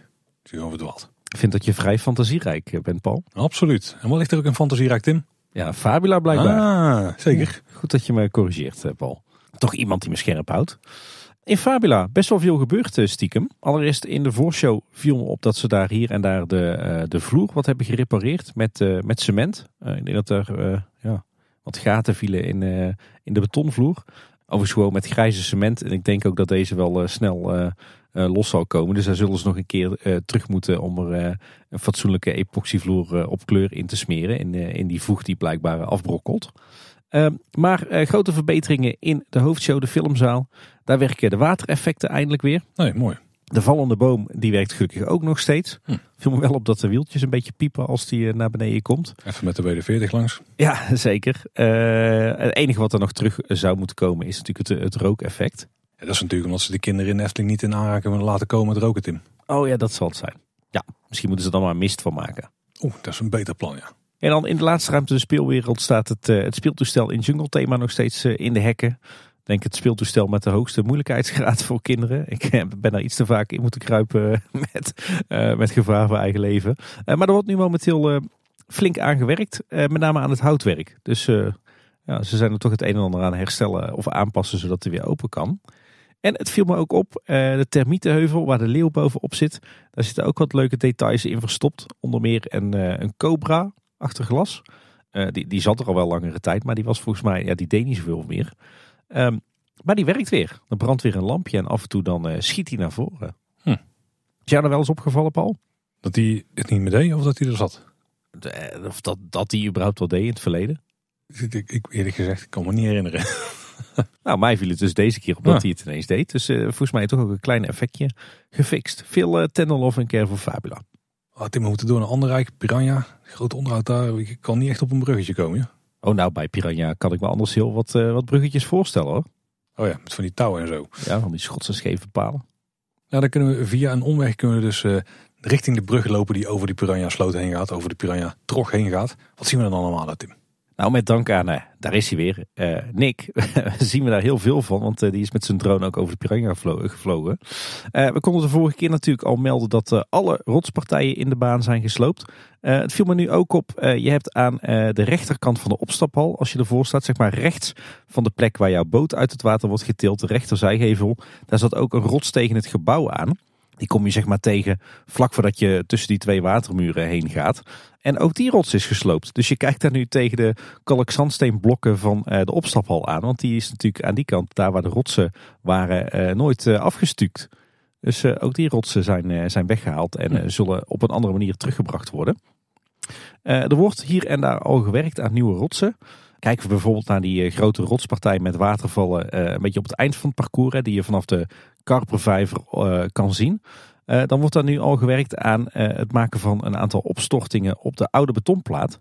En waarschijnlijk zijn dat uh, de, de plekken, de poeren waar later de staalconstructie van de nieuwe rots opgebouwd gaat worden. En vlakbij die hele hoge loopbrug waarmee je over de vaargeul heen kan. Eigenlijk recht tegenover de plek waar dat dus die rotsen aan het gebouw vastzaten die nu gesloopt zijn. Daar zijn ze druk bezig met, met het uitgraven van een nieuwe fundering voor de nieuwe rots die hier gaan komen. Als je dan op het voorplein eh, van de Piranha kijkt, eh, wat trouwens helemaal achter bouwhekken verscholen gaat, dan zie je daar ook al flink wat wapening eh, klaar liggen die ze dus kunnen gebruiken voor al die nieuwe funderingen voor die rotsen. En tot slot valt nog op dat alle kwelbeelden in de ride zijn gedemonteerd en klaar liggen om, ik denk, afgevoerd te worden naar het, het Gildenhuis voor een schilderbeurtje. En inmiddels is het stukwerk van de opstaphal, dus zeg maar van het grote gebouw, en ook alle omliggende muurtjes is uh, voorzien van, uh, van heel wat markeringen met de spuitbus. Dus blijkbaar gaan daar uh, stukken van worden kaal gebikt en gesloopt. En zijn ze nu ook druk bezig met de voorbereiding daarvan. Ja, ze gaan niet totaal strippen zeg maar opnieuw stukken. Maar ze focussen zich vooral op de delen die het, het hardst nodig hebben. Ja, dus ik verwacht daar eh, binnenkort eh, inderdaad eh, de hakhamer in. En daarna zullen ze ook hier alweer van die stijgers overheen bouwen. Die ze helemaal insielen, zodat ze ook in de winter het stukwerk kunnen aanbrengen. Mooie stijgers, Tim. Wordt hier hard gewerkt. Tof project. Dan zoek ik ook nog een bruggetje richting Ruigrijk. Paul, je, bent, je overtreft jezelf vandaag. Dank je, dank je. Ja. Ja, want gaan we bij Joris en de Draak kijken, het andere grote onderhoudsproject, dan wordt er natuurlijk hard gewerkt aan de retrek. Maar daarnaast valt ook op dat ze de brede loopbrug tussen de Python en de entree van Joris en de Draak volledig opnieuw hebben opgebouwd. Die is inmiddels al helemaal klaar. Uh, het bruggetje tussen de kombuis en de entree van Joris en de Draak, uh, die moet nog. Daarvan zijn alleen de balken onder het brugdek blijven liggen. En voor de rest moet die ook helemaal opnieuw worden opgebouwd. Dus dat hout zal ook wel in een slechte staat zijn geweest. En de likkerbaard, waar je natuurlijk de hamburgers kunt scoren, die is weer helemaal uit de stijgers. Die lijkt vooral een flinke schilderbeurt gehad te hebben. Ja, net nieuw en nu alweer een likje verf. Goed het er goed bijhouden. Ja, wij zeggen net nieuw, maar het is ook wel een jaar of vier, vijf denk ik. Ja, voor mij voelt alles wat uh, tijdens het, uh, het, bestaan van onze podcast is gebeurd, voelt als heel recent. Vrij recent, daar heb je op zich wel een punt. Zo voelt dat voor mij ook. En lopen we even door naar Reizenrijk. We hebben natuurlijk Carnaval Festival. Er zit een nieuw attractiebord op de voorgevel. En die is uh, inclusief digitale wachttijd aanduiding tegenwoordig. Dat is wel heel tof. Er zit ook wat confetti in het scherm. Virtuele confetti, hè? Ja, ja zeker, zeker. Die gaat nooit op. Niet net zoals na carnaval dat alles overal onder de plekzooi van confetti en bier zit. Het is dus eh, geen standaard attractiebord meer, zoals we die wel kennen. Wat een beetje zo'n, wat een beetje een kruising is tussen een perkamentrol en een schild. Eh, maar echt eentje in thema van de attractie zelf. Ja, zien we op steeds meer plekken. Hè? Wat mij betreft een, eh, een hele goede ontwikkeling. Dan vliegen we van Reisrijk door naar Marenrijk. Tim, en dan gaan we eerst naar Droomvlucht. Onze bezemstelen. Nee, in onze bakjes die onderaan de track hangen van Droomvlucht. Ja, dat is waar. Um, was wel grappig. We hadden het de vorige keer natuurlijk over de terugkeer van de planeten in de hemelburgten. En ik wist nog niet helemaal wat ik ervan moest vinden. Nou ja, gelukkig hebben we tussen onze luisteraars ook mensen met een enorm uh, analytisch vermogen. Uh, onder meer Giertje64, hij komt natuurlijk vaker voorbij in onze podcast. Die heeft uh, op Twitter, of X moet ik eigenlijk zeggen, heeft hij een fantastische analyse van alle verschillen tussen de oude en de nieuwe planeten onder elkaar gezet. We zullen een linkje in de show notes plaatsen. Viel mij vooral op dat er verrassend veel verschil zat in juist de bol en niet het stadje zelf. Ja, nee, het stadje blijkt inderdaad zo goed als, als volledig hetzelfde. Er zijn misschien een keer opnieuw gedecoreerd. Maar inderdaad het gevoel wat ik zelf ook al had in de ride zit het verschil inderdaad vooral in de bollen. Ja. Ik had zelf tijdens het attractiebezoek zoiets van, hey, die vorm klopt niet echt. Maar dat kon ik niet echt uit de analyse halen. als ik die foto's zo zie, dan lijkt vooral dat, uh, dat, dat er minder relief in zit. Ja. Dat er minder detail, vooral minder detail daardoor in zit. Dus die kraters die zijn uh, minder diep en er zijn er ook überhaupt minder. Ja, eh, misschien ook minder sterk ingeschaduwd. Ja, dat zou het kunnen zijn. Ik heb het nog niet in het echt gezien, maar daar, uh, daar zit wel een duidelijk verschil in. Ja. ja. En iets opvallends in het Sompenwoud, daar is enorm veel beplanting in de vijver gezet. Oh. Misschien als alternatief voor de mist, die dan misschien niet meer terugkeert hier. Kwekerijtje van Oberon voor zijn uh, hennenplanten. nou, ik weet niet of dat die in, eh, in, in een vijver groeien eigenlijk. Oh, dat weet ik eigenlijk ook niet. Nou, dat is ook niet helemaal mijn expertisegebied, nee. Gelukkig. nou ja, op zich natuurlijk wel begrijpelijk, want er is best wel veel techniek zichtbaar op de bodem van die vijver. Ja, als de mist het niet doet, dan, dan kijk je daar gewoon, eh, dan, dan zie je dat gewoon. Eh, en nu hebben ze dat een beetje weggeplant met uh, fake waterplanten. Oh, waterplanten. Oh, dat scheelt al. Hey, er was een boom verdwenen bij de suikerbuik in dat mooie pleintje daar. Een boom waar eigenlijk het halve plein omheen was ontworpen. Ja. Het blijkt dat daar dus geen nieuwe boom gaat terugkomen. Nee. Dus toch bang zijn voor toekomstige wortelopdruk daar of zo? Ja, jammer voor het, uh, jammer voor het beeld daar, maar ergens snap ik wel. Laten we hopen dat ze dan elders op het Antropiekplein een, eh, een mooie nieuwe boom terugplaatsen. Ja, ik denk dat het punt vooral is dat als je daar een boom gaat terugplaatsen, dan, dan is het waarschijnlijk niet zo'n stevige. En ja, zo'n klein pluimpje daar, daar, daar ziet er ook niet uit. Nee, nee, nee. hey, Donna het Sprookjesbos. Ik zie trouwens dat ik deze ook nog niet uh, heb aangepast, Paul. Want, want het is nu natuurlijk ook zijn eigen rijk. Oh, ah, nee, dat is onderdeel van het Marenrijk in het draaiboek staan. Dat is alleen voor navigatie. Maar in het draaiboek heb je hem wel mooi ingesprongen met alle sprookjes eronder, Tim. Een mooi kijkje achter de schermen. Hey, er gebeurt natuurlijk ook nog steeds heel veel in het Sprookjesbos. Uh, zo staat het kasteel van Doornroosje natuurlijk helemaal in de stijgers. Uh, we kunnen nu eigenlijk weinig tot niks zien van de werkzaamheden die er plaatsvinden.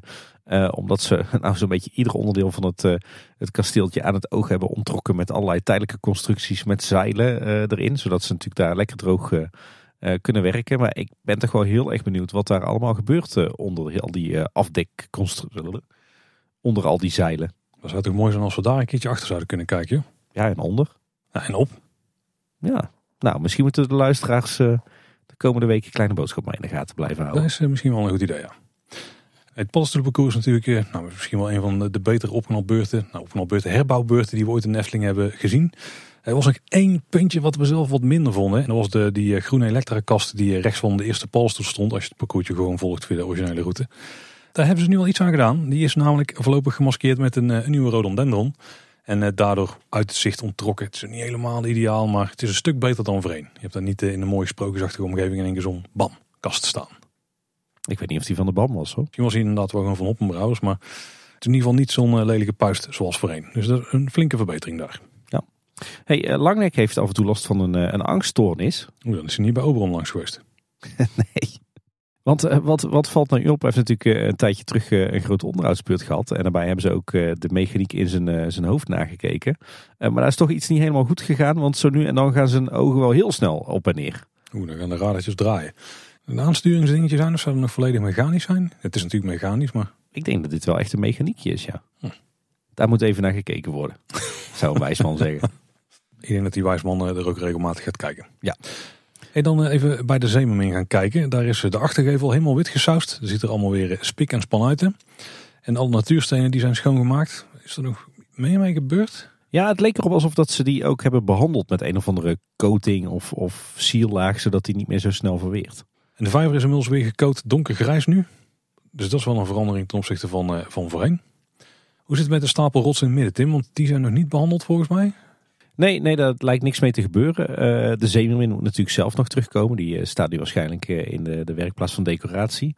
maar ja, we hadden natuurlijk gehoopt dat er een extra rotsblok bij zou komen. Want je, hebt nu natuurlijk de hand van de zeemermin, de rechterhand van de zeemermin, die in het luchtledige leunt. En we hadden natuurlijk gehoopt dat daar een steen onder zou komen te liggen. Maar daar lijkt vooralsnog niet echt sprake van.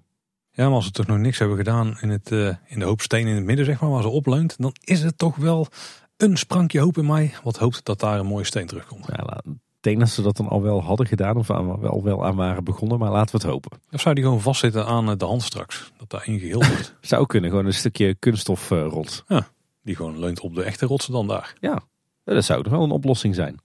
En tot slot nog twee uh, terugkerende defecten die uh, weer zijn gefixt. Want de mond van repelsteeltje die beweegt eindelijk weer. En bij de Chinese nachtegaal gaat eindelijk de deur weer open en komen de dienaren er weer uit. Dat is mooi, want er zijn beide sprookjes weer op goed niveau. Hey Tim, en dan net als bij het Sinterklaasjournaal gaan wij door naar het kort nieuws. Zouden wij er van hun hebben geleend of zij van ons? Zij van ons zou ik zeggen. Ik weet niet sinds wanneer het Sinterklaasjournaal kort nieuws heeft. Maar ik zie het altijd langskomen en denk ik altijd aan dit moment in onze nieuwsafleveringen. Zouden wij ook een soort op, op zaterdag een soort uh, speculatieshow uh, moeten hebben? Nou, dat is eigenlijk doepings hè. In de week na het uitkomen van onze aflevering altijd. Ja, daar heb jij wel gelijk in. Ja. Sommige feitjes zien we daar dan doordruppelen. Hey Tim, er is uh, groot nieuws, want de openingstijden voor het eerste deel van 2024 zijn bekend. En uh, daar zitten toch wel een paar toffe opvallende zaken tussen. Ja, het meest opvallende is toch wel dat uh, al vanaf 12 februari de Efteling voortaan iedere dag weer gewoon om 10 uur s ochtends opent. En waarom is dat nou zo opvallend? Nou, eigenlijk sinds het moment dat de Efteling 365 dagen per jaar open is, is het gebruikelijk dat de Efteling in de slappe wintermaanden eigenlijk standaard pas om 11 uur s ochtends opent.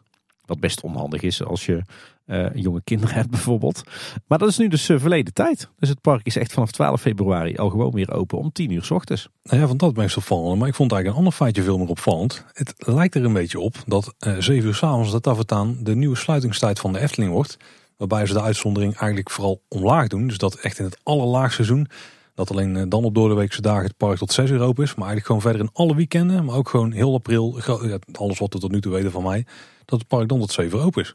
Ja, en met hemelvaart de donderdag en de vrijdag zelfs tot 8 uur. Maar inderdaad hele ruime openingstijden. Maar dat is dus vet, want dat betekent zelfs dat in de weekenden in januari, nou dadelijk even over wanneer de abonnementhouders dan niet naar binnen mogen. Maar dat het vroeg donker is, dat je dan dus nog uh, eigenlijk vrij veel uurtjes in het donker in de Efteling uh, kunt rondlopen. En dat is wel echt heel tof. Ja, van 10 tot 7 in plaats ja. uh, voorheen was het natuurlijk van 11 tot 6. Dus het toch twee uurtjes erbij. Ik bedoel eigenlijk vooral dat je dan meer uurtjes in het donker hebt. Dat je dus door het sprookjesbos kunt in het donker. Of dat je van, dat je van die twinkels kunt genieten op Symbolica. Efteling in het donker is sowieso altijd heel mooi hè? Ja zeker, maar echt heel tof dat dit een soort van nieuwe standaard lijkt te zijn. Ja. Ik ben benieuwd wat de, de openingstijden de rest van het jaar doen. Ik kan me voorstellen dat misschien nog wat door de weekse dagen dadelijk in september en oktober dan... Uh, misschien ook wel november, dat dan de openingstijden nog maar tot 6 uur zijn. Maar dat alle weekenden mogelijk dus in heel 2024 tot 7 uur zijn. Daar lijkt het nu wel op, ja. Is voor die abonnementhouders toch nog een goede reden, Tim, om een nieuw abonnement te scoren. Want je kan een uur lang per dag het park in. Heel mooi, altijd uitbreiding van de openingstijden. Er staat trouwens tegenover dat je abonnement natuurlijk een aantal dagen niet geldig is vanwege uitkoopdagen. We weten nu ook wanneer dat in 2024 is, tenminste de komende maanden. wanneer is het park niet toegankelijk voor abonnementhouders? 13, 14 en 21 januari, 4 februari en 2, 3, 23 en 24 maart. Flink wat dagen, maar de ervaring leert dat er daar altijd ook een hoop van afvallen. Oh, daarvoor de Efteling Zuid in de gaten. Hey, ook eh, zijn er nieuwe ticketprijzen bekend voor 2024. En die zijn uh, iets minder schokkend dan de stijging die de abonnementsprijzen hebben doorgemaakt. Al is het wel opvallend dat het allergoedkoopste ticket, die verandert niet van prijs. Die uh, blijft 38 euro. Op het tweede prijsniveau waren de prijzen voorheen 42 euro en die gaan nu naar 44 euro. In het derde niveau was de oude prijs 45 euro en nu 47 euro. En de allerduurste ticket waarmee je iedere dag van het jaar naar binnen kunt, die was 48 euro en vanaf 2024 is die 51 euro. Dus een, een stijging van 3 euro voor de duurste ticket, dus een stijging van maximaal 6%. Valt, uh, valt alles mee, want de abonnementen die waren ruim 20% gestegen. Dus op zich ja, prima prijzen denk ik. En de Efteling gaat hiermee eindelijk boven de 50 euro. Maar aan de andere kant, ze blijven voor de allerrustigste dagen gewoon uh, open voor 38 euro voor een ticket. Ja, wat een hele schappelijke prijs natuurlijk is. Zeker als je op Europees niveau kijkt. Toch meer prijsdifferentiatie hier. Ja, en uh, toch uh, opvallend uh, dat de abonnementen flink meer stijgen dan, dan de dagkaarten. Ja, we vroegen ons toen al af wat de, de dagkaarten gingen doen. Maar dat, dat valt dus wel mee. In de meeste gevallen een prijsstijging van 2 euro, maar boven een eentje extra. Nou. Ben, ben wel benieuwd wat het 51 euro gaat doen. Want voorheen was het duurste kaartje natuurlijk 48 euro. En 50 euro is toch wel ja, op de een of andere manier een magische grens voor mensen. Als het meer dan 50 euro is, is het echt duur. Ben benieuwd of we hier dan nu wel opheffen over gaan krijgen. Als een stijging van abonnementen van 20% uh, bijna geen ophef opleveren, dan denk ik dat de stijging van 6% voor die kaartjes. Ik denk dat het wel mee gaat vallen. Ja, sowieso betaalt natuurlijk ook niemand eigenlijk meer het volle tarief tegenwoordig, toch? Nee, nee, nee. Hey Tim, even door naar iets uh, totaal anders. We gaan het eens even hebben over dansmuziek. Elektronische dansmuziek zelfs. Ja, niet helemaal mijn ding. het is meer mijn ding eigenlijk. Uh, want de soap van de week was denk ik toch wel, hij is voor zover ik weet nog niet eens helemaal afgerond. De nieuwe single Shine van het DJ duo Showtech. Dat is een, een duo uit Eindhoven. En er zit vanaf ongeveer een minuutje, afhankelijk van welke versie je luistert, de Villa Volta melodie in verwerkt. Of iets wat er ontzettend veel op lijkt. En ja, die haalde al heel snel het landelijk nieuws. En het werd in onder andere Omroep Brabant behandeld. Kan niet anders maar ook gewoon bij Radio 538. En zelfs bij het Jeugdjournaal kwam het langs. Nou, het, mogelijk heb je het al gehoord, maar we zullen even een linkje naar de YouTube video van het nummer in de show notes zetten. We hebben het beide geluisterd natuurlijk, Tim. En ik moet zeggen, toen ik het hoorde, toen dacht ik van, oh, dat is eigenlijk best wel een perfecte manier om een hommage te brengen aan een hele toffe uh, soundtrack uit de Efteling. Want ja. het is vooral uh, van het hoofdthema is het het herhalen van het eerste stukje met een net iets andere timing. En ze missen net een paar nootjes, dus het lijkt er echt enorm op, zeg maar. Het is natuurlijk net niet exact helemaal. Ja, ik moet zeggen dat ik er eigenlijk, hè, ondanks dat dit niet echt mijn muziekstijl is, dat ik er toch ook wel naar, naar kon luisteren. Hoor. Ik vond het wel een geslaagde mix inderdaad. Villa ja. is natuurlijk veel vaker gebruikt in alle handen remixes. Volgens mij is die van de, van de Dentist is nog wel het meest uh, memorabele remix. Daar breng me even terug naar mijn jeugd in. ja. Is mijn muziekkennis toch niet zo belovend als ik dacht eh, dan, dan toch? Nee, ik, ik vond het inderdaad wat, wat jij zegt ook best wel een fraaie uh, ode inderdaad. Niet per se iets mis mee of zo. Ja, het werd natuurlijk een beetje opgeblazen en uh, Showtek zelf die ontkende dat het een bewuste keuze was. Nou ja, een beetje vaag. Ze komen natuurlijk uit, uh, uit de omgeving, laat het zo zeggen. Ja, maar ze waren al tien of twaalf jaar niet meer in de Efteling geweest. En waarschijnlijk was die melodie ooit blijven hangen. En twaalf jaar later schudden ze die zo uit de mouw. Nee, ik kan me een beetje voorstellen hoe het gaat. Je zit dan uh, in een studiootje en dan zit je een beetje op een keyboard wat te kloten. En dan, toets je, dan druk je twee, misschien drie toetsen naar elkaar uh, in. En dan denk je, oh, dan klinkt dit wel goed als het volgt. Ik kan me voorstellen dat het zo een beetje is gegaan. Maar als je het bij iemand had laten proefluisteren in de omgeving hier, dan worden er toch wel snel, vrij snel linkjes gelegd naar een bepaald park in Kaatsheuvel, gok ik. Ja, ik vond het een beetje een wazig verhaal. Ik denk, waarom geef je het nou niet gewoon toe? We zitten natuurlijk ook niet echt in het auteursrecht. We weten wel dat er af en toe wat dingen lopen, maar ik vond het niet eens zo'n hele directe kopie. Dus ik snap ook niet echt waarom ze er dan... Nou, misschien is het wel het echte verhaal en waren ze zich echt niet van eh, bewust, maar het, het, is er wel duidelijk van geleend. Laten we het daarop houden. Wat mij betreft was het één grote storm in een glas water. Want het gebeurt toch honderdduizend keer per jaar dat een bestaande melodie wordt gebruikt in een, in een remix of als een sample in een nummer. En als je toch daar gewoon netjes je rechten over afdraagt, is er toch niks aan de hand. Ja, er is wel een punt waarop je er niet eens iets voor hoeft te doen, denk ik. Zeker als het geïnspireerd is op en niet exact hetzelfde. Wat dit wat mij betreft wel ongeschaad zou mogen worden. Maar het punt is natuurlijk, het werd opgeblazen door de media. Ja, en dan moet je er wel iets mee, mee gaan doen. Dus eerst werd de Efteling gevraagd van wat vonden jullie er nou? Of wat vinden jullie ervan? Nou, de Efteling die gaf toen aan dat ze er niet van op de hoogte waren. En nog even zijn gaan kijken hoe ze dit precies gingen aanpakken. Het is niet de bedoeling dat de muziek wordt hergebruikt zonder toestemming. We starten niet meteen een rechtszaak, maar we zoeken eerst contact met artiesten. Nou, nogmaals, Showtek die ontkennen dus dat het een bewuste keuze was. Maar het leek een, een oplossing te zijn. Want Ruud Bos die wordt voortaan vermeld als artiest bij het nummer. En er is een regeling getroffen over de afdracht van de royalties en aan de erven van Ruud Bos. En daarmee is het voor de Efteling netjes opgelost. Maar de zoon van Ruud Bos, Ruud Jan, die vertelde Loopings dat ze helemaal niet betrokken waren bij het maken van die keuzes. En inmiddels hebben ze zelf ook contact gezocht met de uitgeverij en kijken hoe ze het gaan oplossen. Uh, voordat de laatste stukje staartje nog aankwam, had Showtek aangegeven dat ze de Efteling mogelijk wel eens kunnen gaan benaderen in de toekomst. Om samen iets te gaan doen, want dat vinden ze hartstikke tof. En daar uh, gooi toch op een Brabantse route in, want ze zijn toch een Brabantse act. Nou, wat mij betreft uh, niet te veel samenwerking tussen de Efteling en DJ's, alsjeblieft. Want uh, dan krijgen we weer Chesto Noura en een Hartwell bij Baron. Wat mij betreft twee samenwerkingen die niet zo geslaagd waren. Dus blijf maar lekker weg. Oh, Chesto Noura is goud, jongen. nou ja. Voor wat het is. Dan, dan stiekem toch maar liever Guus Meeuwis. Terwijl, nou ja, goed. nou goed, laten we niet te veel uitweiden. Uh, ja, dit was inderdaad echt de soap van de week. Ik denk dat hier wel tien uh, artikelen over verschenen zijn op Omroep Brabant en Brabants Dagblad. En er werd telkens op en neer gestuiterd tussen de Efteling, Showtech en de familie Bos. En ja, het, het leek alsof het hele verhaal in de krant werd uitgevochten. Volgens mij hebben we bij ons gastcollege nog letterlijk aangehaald dat de pretparken, met name de Efteling, altijd scoort in de media. En ik denk dat dit daar een heel goed voorbeeld van is. Want ik heb ook nog eens op Apple Music een rondje gedaan. Ik heb daar gewoon Villa Volta in getikt. Ik denk eens kijk wat er dan allemaal omhoog komt. Ja, tig remixen, nummers die gewoon letterlijk de muziek van Villa Volta erin hebben zitten. En daarna nog een bietje eroverheen knallen. Een biertje? Een bietje. Oh. En dan bedoel ik met EA. Ah. En uh, ook gewoon een andere dance remixen en zo. Maar nooit echt van grote bekende mensen. Volgens mij heb ik zelfs wel hip-hop nummers gevonden die het gebruikten. Ja, ik had de indruk dat de Efteling het zelf ook helemaal niet zo'n issue vond hoor. Nee, maar ja, ja alle aandacht is aandacht of, die nou, of dat die nou negatief of positief is. Misschien hebben we zo een beetje proberen mee te liften. Ik vind trouwens de, de meest recente Ravelijn uh, Hardstyle remix, is dat volgens mij, vind ik ook zo geslaagd hoor. Die was wel van, is die wel van Efteling? Nee. De Efteling heeft zelfs natuurlijk wel dansversies gemaakt voor uh, onder andere het uh, Pythonplein tijdens de, de.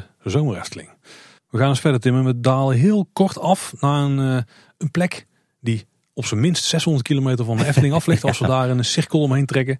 Want vanaf 2 december draait in de Futuroscope in uh, diep in Frankrijk de film The Bear and the Squirrel 3D. En die kennen wij natuurlijk in de Efteling als Fabula. Zeker. En wat wel grappig is, uh, die draait ook al ergens in Scandinavië.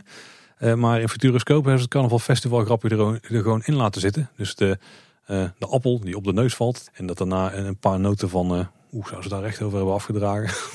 Want is een beetje een vergelijkbare remix daar. Maar een paar noten van het Carnival Festival melodietje, die hoor je er dan bij. En op andere plekken hebben ze dat stukje eruit gehaald, omdat het te veel naar de Efteling refereert. Maar in Futuroscope kan het blijkbaar. Een bijzonder park, wil ik nog wel een keer naartoe. Zeker. Dan even bij de vacatures gaan kijken, Tim. Ja, een paar echt hele leuke vacatures uh, deze, deze keer. En de, de topper, misschien wel de allerleukste baan in, uh, in de Efteling. Het is eigenlijk jammer dat je, ervoor, dat je er ervaring voor moet, uh, moet hebben in de pretpark zien. Want ik kan het mezelf ook wel zien doen. De operationeel teamlead toiletten. Die lijkt me ook wel leuk. Oh. Maar ik doelde eigenlijk op een andere functie. Oh, wacht, jij zit daar in een draaiboek, ja. ja. uh, over toiletten gaan we het zo hebben, Paul. Want dat is helemaal op jouw lijf geschreven. Nee, de functie operationeel duty manager komt vrij. Uh, volgens mij in het verleden ook al als parkregisseur uh, uh, genoemd. we hebben een tijdje terug een interview gehouden met Anja Klis. En dit is eigenlijk haar functie. Tenminste, ik weet niet of Anja Klis weggaat en dit, dit ter vervanging van Anja is. Of dat het een van haar collega's is. Maar operationeel duty manager, die functie komt dus vrij. En wat houdt dat nou in? Nou, het is een enorme lijst met taken en verantwoordelijkheden. Maar we zullen even de samenvatting doen. De operationeel duty manager is de, het eerste aanspreekpunt bij calamiteiten voor het park en de hotels en resorts. Je neemt beslissingen met betrekking tot veiligheid, gastbeleving en kwaliteit van de dagelijkse exploitatie. Eigenlijk waar wij ons uh, iedere aflevering druk om maken. Dit doe je vanuit een uh, integrale blik. Je weegt situaties kritisch af en bent in staat om snel maar gedegen tot besluiten te komen. En die vervolgens met relevante partijen in en extern uit te voeren. Je draagt zorg voor pragmatische en volledig Efteling brede procedures die nodig zijn in de sturing van alle dag. In situaties van crisis neem je de rol van officier van dienst Efteling aan, de OVD-E. Hele vette functie, want ja, in de praktijk loop je de hele dag door de Efteling en uh, hou je in de gaten hoe alles reilt en zeilt, welke attracties open zijn of storing hebben. Bij calamiteiten word je ingezet. Je bent eigenlijk gewoon eindverantwoordelijk voor de kwaliteit van de Eftelingdag. Als je officier van dienst Efteling wordt, krijg je dan een lintje opgespeld van fonds of zo. misschien van de voorzitter van de Raad van Commissarissen. Nee, dat niet. Maar het is, het is op een andere manier wel grappig. Want eh, waar komt dit nou vandaan? Je hebt zeg maar eh, bij de verschillende hulpdiensten heb je ook officieren van dienst. hè. Je hebt een OVDB, dat is de officier van dienst van de brandweer. De OVDP, de officier van dienst van de politie. Eh, bij de gemeente hebben wij ook een, een OVD, BZ, bevolkingszorg. Alleen binnen de crisisorganisatie van deze gemeente heb je dus ook een OVD. E. Ik denk niet dat ze dat bij in veel andere gemeentes met andere bedrijven zullen hebben. Eh, Daar gok ik ook niet, nee. Maar wel grappig dat de Efteling dit gewoon zo op, eh, in hun vacature opneemt. Maar eh, ja, dit is toch een droombaan? Nou, daar zeg jij Tim. Ik denk dat er nog wel een andere droombaan vrijkomt in de Efteling. Ja, zeker voor jou. En dat is dus operationeel teamlead toiletten. Ja, Dan moet ik zeggen, ik heb die vacature natuurlijk aandachtig gelezen. En je hebt de- allerbeste zin er al uitgehaald. Als operationeel teamlead toiletten ben je operationeel verantwoordelijk voor de gasbeleving op het onderdeel toiletten binnen het park. Nou, gastbeleving op eh, de toiletten. Ja, wel met een T ertussen voor de Oké. zekerheid. Hè? Ja. Ja. Eh, alleen dit is wel echt het mooiste stukje van de vacature. Want verder is het best wel een pittige baan waar je echt wel veel verantwoordelijkheden hebt. Dit klinkt van je gaat op ieder toilet even zitten en dan kijk je dat alles nog netjes in orde is. Hoort er ook wel bij een soort van. Dat klinkt mij als, als muziek in de oren. Alleen je moet ook gewoon een heel team draaien en eh, planningen maken en dat soort fratsen. Ja, en volgens mij was ook de achterliggende gedachte van deze functie dat je ook echt zeg maar het hele team toiletten, dat je dat naar een hoger niveau gaat tillen. Dat valt buiten mijn ambities. Nou, dat kan best een interessante functie zijn, denk ik. Ja, maar ik wil het vooral op de, de gasbeleving dan, eh, dan houden. Ja, precies. Daar hebben ze nog geen specifieke functie voor. Moeten ze nog iets meer toiletten in het park krijgen, dat ze die afdeling iets meer gaan diversificeren. En dan komt er vast een keer zo'n functie vrij. Want jij de toilettester van de Efteling. Ja, bijvoorbeeld, bijvoorbeeld. Hey, nog een, een derde hele toffe functie. Eh, ze zoeken ook een coördinator milieudienst. Nou, als je daar meer over wilt weten, in aflevering 250 eh, spraken we alles met een, een coördinator van de Milieudienst. Maar ik zal het ook hier even kort samenvatten. Eh, want in die functie ben je samen met collega's verantwoordelijk voor een schoon en net park. Ook houd je je bezig met afvalverwerking, gladheidsbestrijding en alle afzettingen binnen de wereld van de Efteling. En dat zijn er nogal veel op dit moment. Tegenwoordig wel, ja. Maar het is best divers ook nog. Dus het is echt niet alleen maar het, eh, het schoonhouden van het park. Maar er komt nog wel meer bij kijken. Ja. Nou, vet. Ja, wil je alle vacatures checken, dan eh, hebben we uiteraard een linkje in de show notes. Maar de vacature link op de Efteling website is niet heel moeilijk om te vinden. Nee. En dan nog even een tof project pluggen, wat Bart Baan in de wereld heeft geslingerd. Dat is pretparkgids.nl. En daar eh, kun jij het in voorbereiding naar bijvoorbeeld een bezoekje aan de Efteling, dat is waar ze nu vooral op focussen, maar er moeten meer parken in de toekomst bij komen. Kun je alles leren over het park, kun je ook tickets kopen en zo. En dan hebben ze ook video's van eh, heel veel van de ervaringen die je binnen het park kunt, eh, kunt meemaken, die hebben ze daar geplaatst. Een heel mooi compleet overzicht van eh, in dit geval dus de Efteling. En zo hopen daar snel Disneyland Parijs aan toe te gaan voeren. Ja, wat heel bijzonder is, is dat Bart Baan zich natuurlijk eh, als YouTuber eerst heel erg richt op de fans. Eh, maar deze website is echt gemaakt voor eh, ja, gewoon de, de normale pretparkbezoeker eigenlijk. Hè? Ja, de trucs met de internetaansluiting. Maar vervolgens gebruikt hij wel eh, zijn content, hè, dus zijn foto's en zijn, eh, zijn video's eh, als inhoud voor deze site. Ja. Tof initiatief. En dan gaan we nog even net wat verder kijken dan die straal van 600 kilometer rondom de Efteling. Want in eh Hongkong Disneyland, jij hebt er ooit een bezoekje gebracht Tim. Zeker een fantastische dag gehad. Daar is een eh, nieuw themagebied geopend, helemaal rondom Frozen. Nou, dat is natuurlijk ontworpen door eh, een van de gasten in onze show, Michel den Dulk, oud Efteling ontwerper. En eh, daar zit een hele toffe easter egg in het gebiedje. Volgens mij in een van de souvenirshops. Daar zit in het nieuwe Frozen gebied dus een, een klein houten poppetje. En die lijkt toch wel ontzettend veel op Pardoes. Hij lijkt verdacht veel op Pardoes, ja. En we hebben zomaar een sterk vermoeden dat dat geen toeval is. Nee. Echt een sublieme verwijzing ja, terug naar zijn roots eigenlijk. Hè? Nou, eigenlijk wel ja, heel tof. Heel vet dat er een klein stukje Efteling gewoon in Hongkong Disneyland te vinden is nu. Met een klein stukje Efteling story erachter ook. Ziet er trouwens prachtig uit hè, dat hele Frozen Land. Ja, zoiets moet dus nou, enigszins afgezwakt trouwens ook weer. Dus klassiek Parijs. In Parijs ook gaan verschijnen wordt. Zin in. Ja, daar ga ik zeker in kijken nemen de hele tijd dat het afgerond is. In 2028 of zo. ja. Dan ben ik misschien optimistisch trouwens. Andere podcast. Hey Tim, we hebben eh, weer een hoop reacties van luisteraars gehad. En sorry mensen, eh, in bijna alle gevallen reageren we op jullie e-mails. En soms zeggen ook wel eens van, oh, dit is wel een hele toffe vraag voor in een aflevering. En die hebben we allemaal netjes in het draaiboek staan. Maar we komen er niet altijd meteen naartoe. Soms moet je wel langer wachten. Maar we gaan er weer een paar eh, behandelen vandaag, Tim. Jazeker, we hebben een aantal hele leuke vragen gehad. En nou, we hebben er nu een keer de tijd voor. Hè? Laten we beginnen met de mail van Jelte. Jelte die schrijft, geachte, geachte, ja, geachte Tim en Paul. Ik ben ook een jaartje ouder geworden, Tim. ja, precies. Ik ben Jelte Smits en ik ben 12 jaar. Heel tof dat we ook eh, jonge luisteraars hebben. Mijn vader heet Loet Smits en heeft al een keer in de podcast gezeten. Ja, bekende van de show. Ja, dat is natuurlijk de aflevering over personeelskleding. Eh Jelte die schrijft, ik ben op dit moment een project voor school aan het doen. Mijn onderzoeksvraag is, hoe worden de attracties gekeurd in de Efteling? Kijk, dat is er een van de familie, zullen we maar zeggen. Oh, mooi op, op je twaalf jaar al, daar, al daar induiken. hij schrijft nog, weten jullie daar iets over? Met een vriendelijke groet, Jelte Smits. Ik kom dan toch niet heel veel verder dan dat ik weet dat de TUF attracties keurt. En dat ik inmiddels weet dat als er grote wijzigingen zijn, dat er dan een herkeuring plaats moet vinden. Maar jij weet er vast meer over, Tim. Ja, uh, en ik heb het ook even, even uitgezocht. Um, er is eigenlijk één uh, wet, of eigenlijk formeel is het een besluit, wat je eigenlijk alles vertelt over uh, het keuren van attracties in bijvoorbeeld de Efteling. Specifiek voor attracties? Jazeker. Er is een wet over. Jazeker. Oh, vet. Oké. En uh, let even op, dat is het ware wetbesluit attractie- en speeltoestellen 2023. Dat is echt vanaf een schommel tot uh, een tent of zo. Ja, inderdaad. Goede, goede indeling. Uh, dat is gewoon een openbaar stuk. Dat staat gewoon op uh, de website overheid.nl. Uh, we zullen even een linkje in de show notes zetten. Jelte, dan kan je het van A tot Z helemaal uitpluizen. Nou, wat, wat lezen we onder andere in het, het attractiebesluit? Nou, dat speeltoestellen en attracties voor ingebruikname gekeurd moeten worden.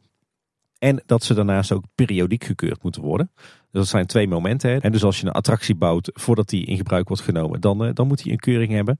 Uh, en ook om de zoveel jaar. Volgens mij om de, moet iedere attractie om de drie jaar gekeurd worden.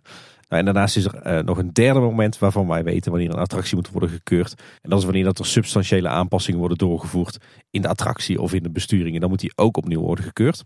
En dat moet gebeuren door een aangewezen instelling. oftewel een keuringsinstantie. En dat zijn er maar een paar. Daar heeft de overheid dus van gezegd, wij vinden jou geschikt. En op dit moment zijn denk ik de twee grootste namen wel de TUF uit Duitsland en Vincent, als ik het goed zeg, uit, uit Frankrijk. Vroeger deed de DNV dat, Dit Norske Veritas uit Noorwegen natuurlijk. Um, maar dat zijn de instanties die dus attracties mogen keuren en, en mogen goedkeuren. En, en als je kijkt naar nieuwe attracties, dan is het ook zo dat zij eigenlijk meelopen tijdens het, het ontwerp- en bouwtraject. En dus ook tekeningen bekijken en, en, goedkeuren. Dus ja, daar is gewoon een, een wet voor. Maar goed, als je, als je hier nog veel meer over wil lezen, dan, dan raad ik je echt aan om het ware wetbesluit attractie- en speeltoestellen even goed te lezen. Het is eigenlijk maar een, een, een, een heel kort besluit en, en heel duidelijk en heel goed leesbaar. Dus ja, voor iedereen die hier meer over wil weten, raad ik echt aan om die wettekst eens te bestuderen. Tim, we kregen ook een mail van Sven Starken en die schrijft... Dag Paul en Tim, wat heeft de Efteling een mooie ontwikkeling meegemaakt sinds de start van jullie podcast. En jullie ook trouwens. Hiermee heb ik gelijk een vraag aan jullie. Wat is de mooiste verandering op het gebied van horeca of attractieaanbod sinds de start van jullie podcast? Oeh, sinds eind 2017. Ja. Oei. Dat is natuurlijk het bijzondere dat in 2017 is er een grote attractie geopend. En daarna zijn vooral wat herbouwdingen geweest. De eerste echte nieuwe attractie, die dus niet iets... Ja, dat is trouwens ook een vervanging, nou te beseffen. Ja, wat hebben we gehad? We hebben Max Moord gehad. Uh, Sirocco, Fabula. Uh, de zes, zes zwanen. Zes zwanen. Nest. Uh. en dan was ik dan... dan, dan oeh. Ja, Sirocco en de Zes Zwanen die springen wel het meest in het oog bij mij. Ja. Qua attractieaanbod. Ja, Bekkerij Krumel toch ook wel. Qua horeca. horeca aanbod de absolute beste toevoeging eh, sinds lange tijd. Ja. Sinds dat de podcast is begonnen, dat is de vraag. Dat is de absolute topper, wat mij betreft. Ja, dus qua horeca hebben we al de mooiste verandering. Is dat unaniem, Tim? Ja, want mijn andere favorietjes, uh, Polskeuken, Witte Paard, die bestonden al uh, voor uh, de start van onze podcast. Ja, wat hebben we nog? We hebben die worstenkraam daar bij... Nee, nou, de, daar, daar kunnen we het wel over eens zijn. Dus Bekkerij Krumel is de beste ontwikkeling op horeca aanbod sinds ja. de start van onze podcast. Dat kan ook een horeca item zijn. Hè? Ik moet zeggen dat die paar maanden dat de schrobbeler pannenkoeken was, die waren ook wel glorieus. Maar, ja. maar verder, nee, ik denk dat ja, Krumel, ja, Krumel zonder twijfel. Maar qua attractie? Ah. Ja, ik zou bijna willen zeggen Dans Macabre. Nou, misschien is het toch wel Sirocco hoor. Of Max Moritz. Max is wel een favorietje binnen het gezin. Al merk ik dat de oudste er al snel wat, uh, die begint de interesse erin al te verliezen. Ja, mijn kinderen eigenlijk ook. En ik vind het zelf nog steeds wel een leuk baantje om te doen. Maar qua attractie in totaal, ja, nou, daar hebben we het al vaak zat over gehad. Het is niet 100% op en top Eftelings. Misschien net iets te generiek op punten. Het is wel het grootste, het is wel, ja, het is wel het grootste wat er qua attractie is gebeurd. Hè? En de mooiste ontwikkeling, mooiste verandering. Ja, eigenlijk mooiste verandering op het gebied van attractieaanbod. Ja, ergens vind ik dat dan stiekem wel Sirocco. Als je ziet hoe dat ze daar een, een discutabele attractie als Monsieur Cannibal daar een, een, volledig nieuw tweede leven hebben gegeven. Met zoveel oog voor detail, voor show, voor muziek. Ook wel heel vet, toch? Ik denk dat we daar dan ook wel vrij unaniem over kunnen zijn. Behalve dat daar die fase 2, die moeten we wel even gaan uitvoeren. Ja, nou, Bekkerij Krummel en Sirocco. Ja. Gaan we door naar een eh, mail van Ute. Bijna Scandinavisch. Hoi Paul en Tim, we hebben nu bijna een jaar een abonnement en ik vraag me al een poosje iets af. Sinds er steeds meer zelfscan kassa-achtige apparaten in de Efteling verschijnen, valt mij op dat je niet overal met je abonnement de 5% korting kunt krijgen voor eten en drinken of souvenirs. Dus moet je bijvoorbeeld voor je korting bij Vrouw Bolters Kuchen of het Fabula restaurant gewoon naar een balie lopen voor je bestelling in plaats van naar een bestelzuil. En bij In een Zwarte Kat heb je geen optie om bij de zelfscan kassa's voor abonnementskorting te kiezen. Verwachten jullie dat de abonnementskortingen gaan verdwijnen of toch gewoon overal netjes verder toegepast gaan worden? Goed, Ute. Nou, eerst iets uit de wereld helpen. Je kan bij uh, In een Zwarte Kat wel gewoon je abonnementskorting krijgen. Uh, je kan op een, uh, op een knop drukken en dan je abonnement scannen. maar als je gewoon tijdens het, het scannen van je producten tussendoor je abonnement scant, dan trekt hij er ook gewoon netjes de 5% korting vanaf. en verder denk ik dat het gewoon een, een generatieverschilletje in de bestelzuilen is. Want alle nieuwe bestelzuilen en zelfscankassa's, daar bestaat wel de mogelijkheid om je abonnement te scannen. En dan uh, gaat de kortingen er vanaf. Het zijn alleen de, de oudere uh, bestelzuilen. Dus inderdaad bij Vrouw Botskuge en Fabula restaurant waar dat nog niet werkt. Maar ik neem aan uh, dat als daar een software upgrade wordt gedaan. Of er wordt op een gegeven moment een, een nieuwe bestelzuil neergezet. dat daar de abonnementskorting ook gewoon wordt toegepast. Want ja, wat ik al zei, eigenlijk op, op alle nieuwste apparaten, daar werkt het gewoon. Ik denk dat het inderdaad puur een IT-dingetje is. En dat het bij die zuilen nog niet kan. Eh, maar ik denk dat de wens er absoluut is om die overal gewoon eh, toe te gaan voegen. En dat je overal dus je, uh, je abonnementskorting gewoon kunt claimen. Ja, en volgens mij kan het ook vrij simpel. Uh, is het gewoon een softwarematig dingetje. Ja, simpel. Software technisch kan het ook wel complex zijn. Hoor. Het is maar de vraag dat de Efteling zelf die wijziging kan doen. En misschien zijn ze afhankelijk van een leverancier die waarschijnlijk dat soort zuilen op tientallen, honderden, duizenden locaties heeft staan. Ja, en dan is de Efteling met zijn, zijn ene locatie waar er misschien een stuk of, uh, hoeveel hebben ze er? Een stuk of acht of zo in totaal. Of die uh, locatie verspreid. Dat die uh, maar een kleine speler is in het geheel. Dat is achteraan ook besluiten voor al die updates. Nou ja, ik verwacht, ik verwacht de komende jaren binnen de Efteling wel een explosie van het aantal bestelzuilen. En zelfs scankassa's. Dus dan denk ik dat ze het meteen overal goed, goed doorvoeren. Oh. En dan nog een laatste anonieme mail. Hi heren, bedankt voor het pareltje dat jullie iedere maandag voor mij klaarzetten. Ik kom zelf ongeveer één keer in de vijf jaar in de Efteling. Dus jullie uitzending is een perfecte manier voor mij om op de hoogte te blijven wat er in Kaatsheuvel gebeurt. Dat is wel leuk, dat horen we heel vaak. Hè? Dus we hebben echt niet alleen de, de, de liefhebbers die iedere week komen en abonnementhouders. Maar eh, we zijn gelukkig ook heel erg toegankelijk voor mensen die uh, maar eens in de zoveel tijd komen. Gelukkig wel. De anonieme luisteraar vervolgt. Laatst ben ik weer geweest en nu heb ik twee vragen vanuit het buitenstaanders perspectief. Eén, en we, we hebben dus twee vragen, we behandelen ze even los. In de laatste uitzending hadden jullie het over het voorplein van het voorplein van de ingang. Voor de zekerheid, dat ik weet niet zeker of we het goed hebben uitgelegd. Maar je hebt dus het voorplein voor het Huis van de Vijf Zintuigen. Daar staat die poort voor waar je ochtends staat te wachten. En dan lijkt dus daarvoor, dus voor de poort, eigenlijk op de parkeerpromenade een ruitvormig plein te gaan komen straks. Ja, wat dus het eind van de parkeerpromenade vormt. Waarna je door de poorten gaat en op het voorplein van het Huis van de Vijf Zintuigen komt. Nou, zowel, dat heb ik de vorige keer niet uitgelegd denk ik. Maar nee, dit is, is veel strakker Paul. Toen ik er stond was ik eigenlijk verbaasd over de grote vrij functieloze ruimte die de ingang zelf geworden is nu iedereen zijn kaartje online koopt. Zijn jullie het daarmee eens en hoe zouden jullie deze ruimte opnieuw indelen zodat de ingang meer een beleving wordt? Mogelijk een kleine invulattractie onder de overkapping nog voordat je het park inloopt? Nou, ik weet niet hoe laat je er was, anoniempje, maar in de ochtend is dat plein hard nodig hoor. Ja, en ook de ruimte onder de kap. Ja, die ook absoluut. En keer dat ik was, was het niet per se heel goed weer. Toen was iedereen echt onder de thuis van de vijf zintuigen aan het schuilen voor het slechte weer.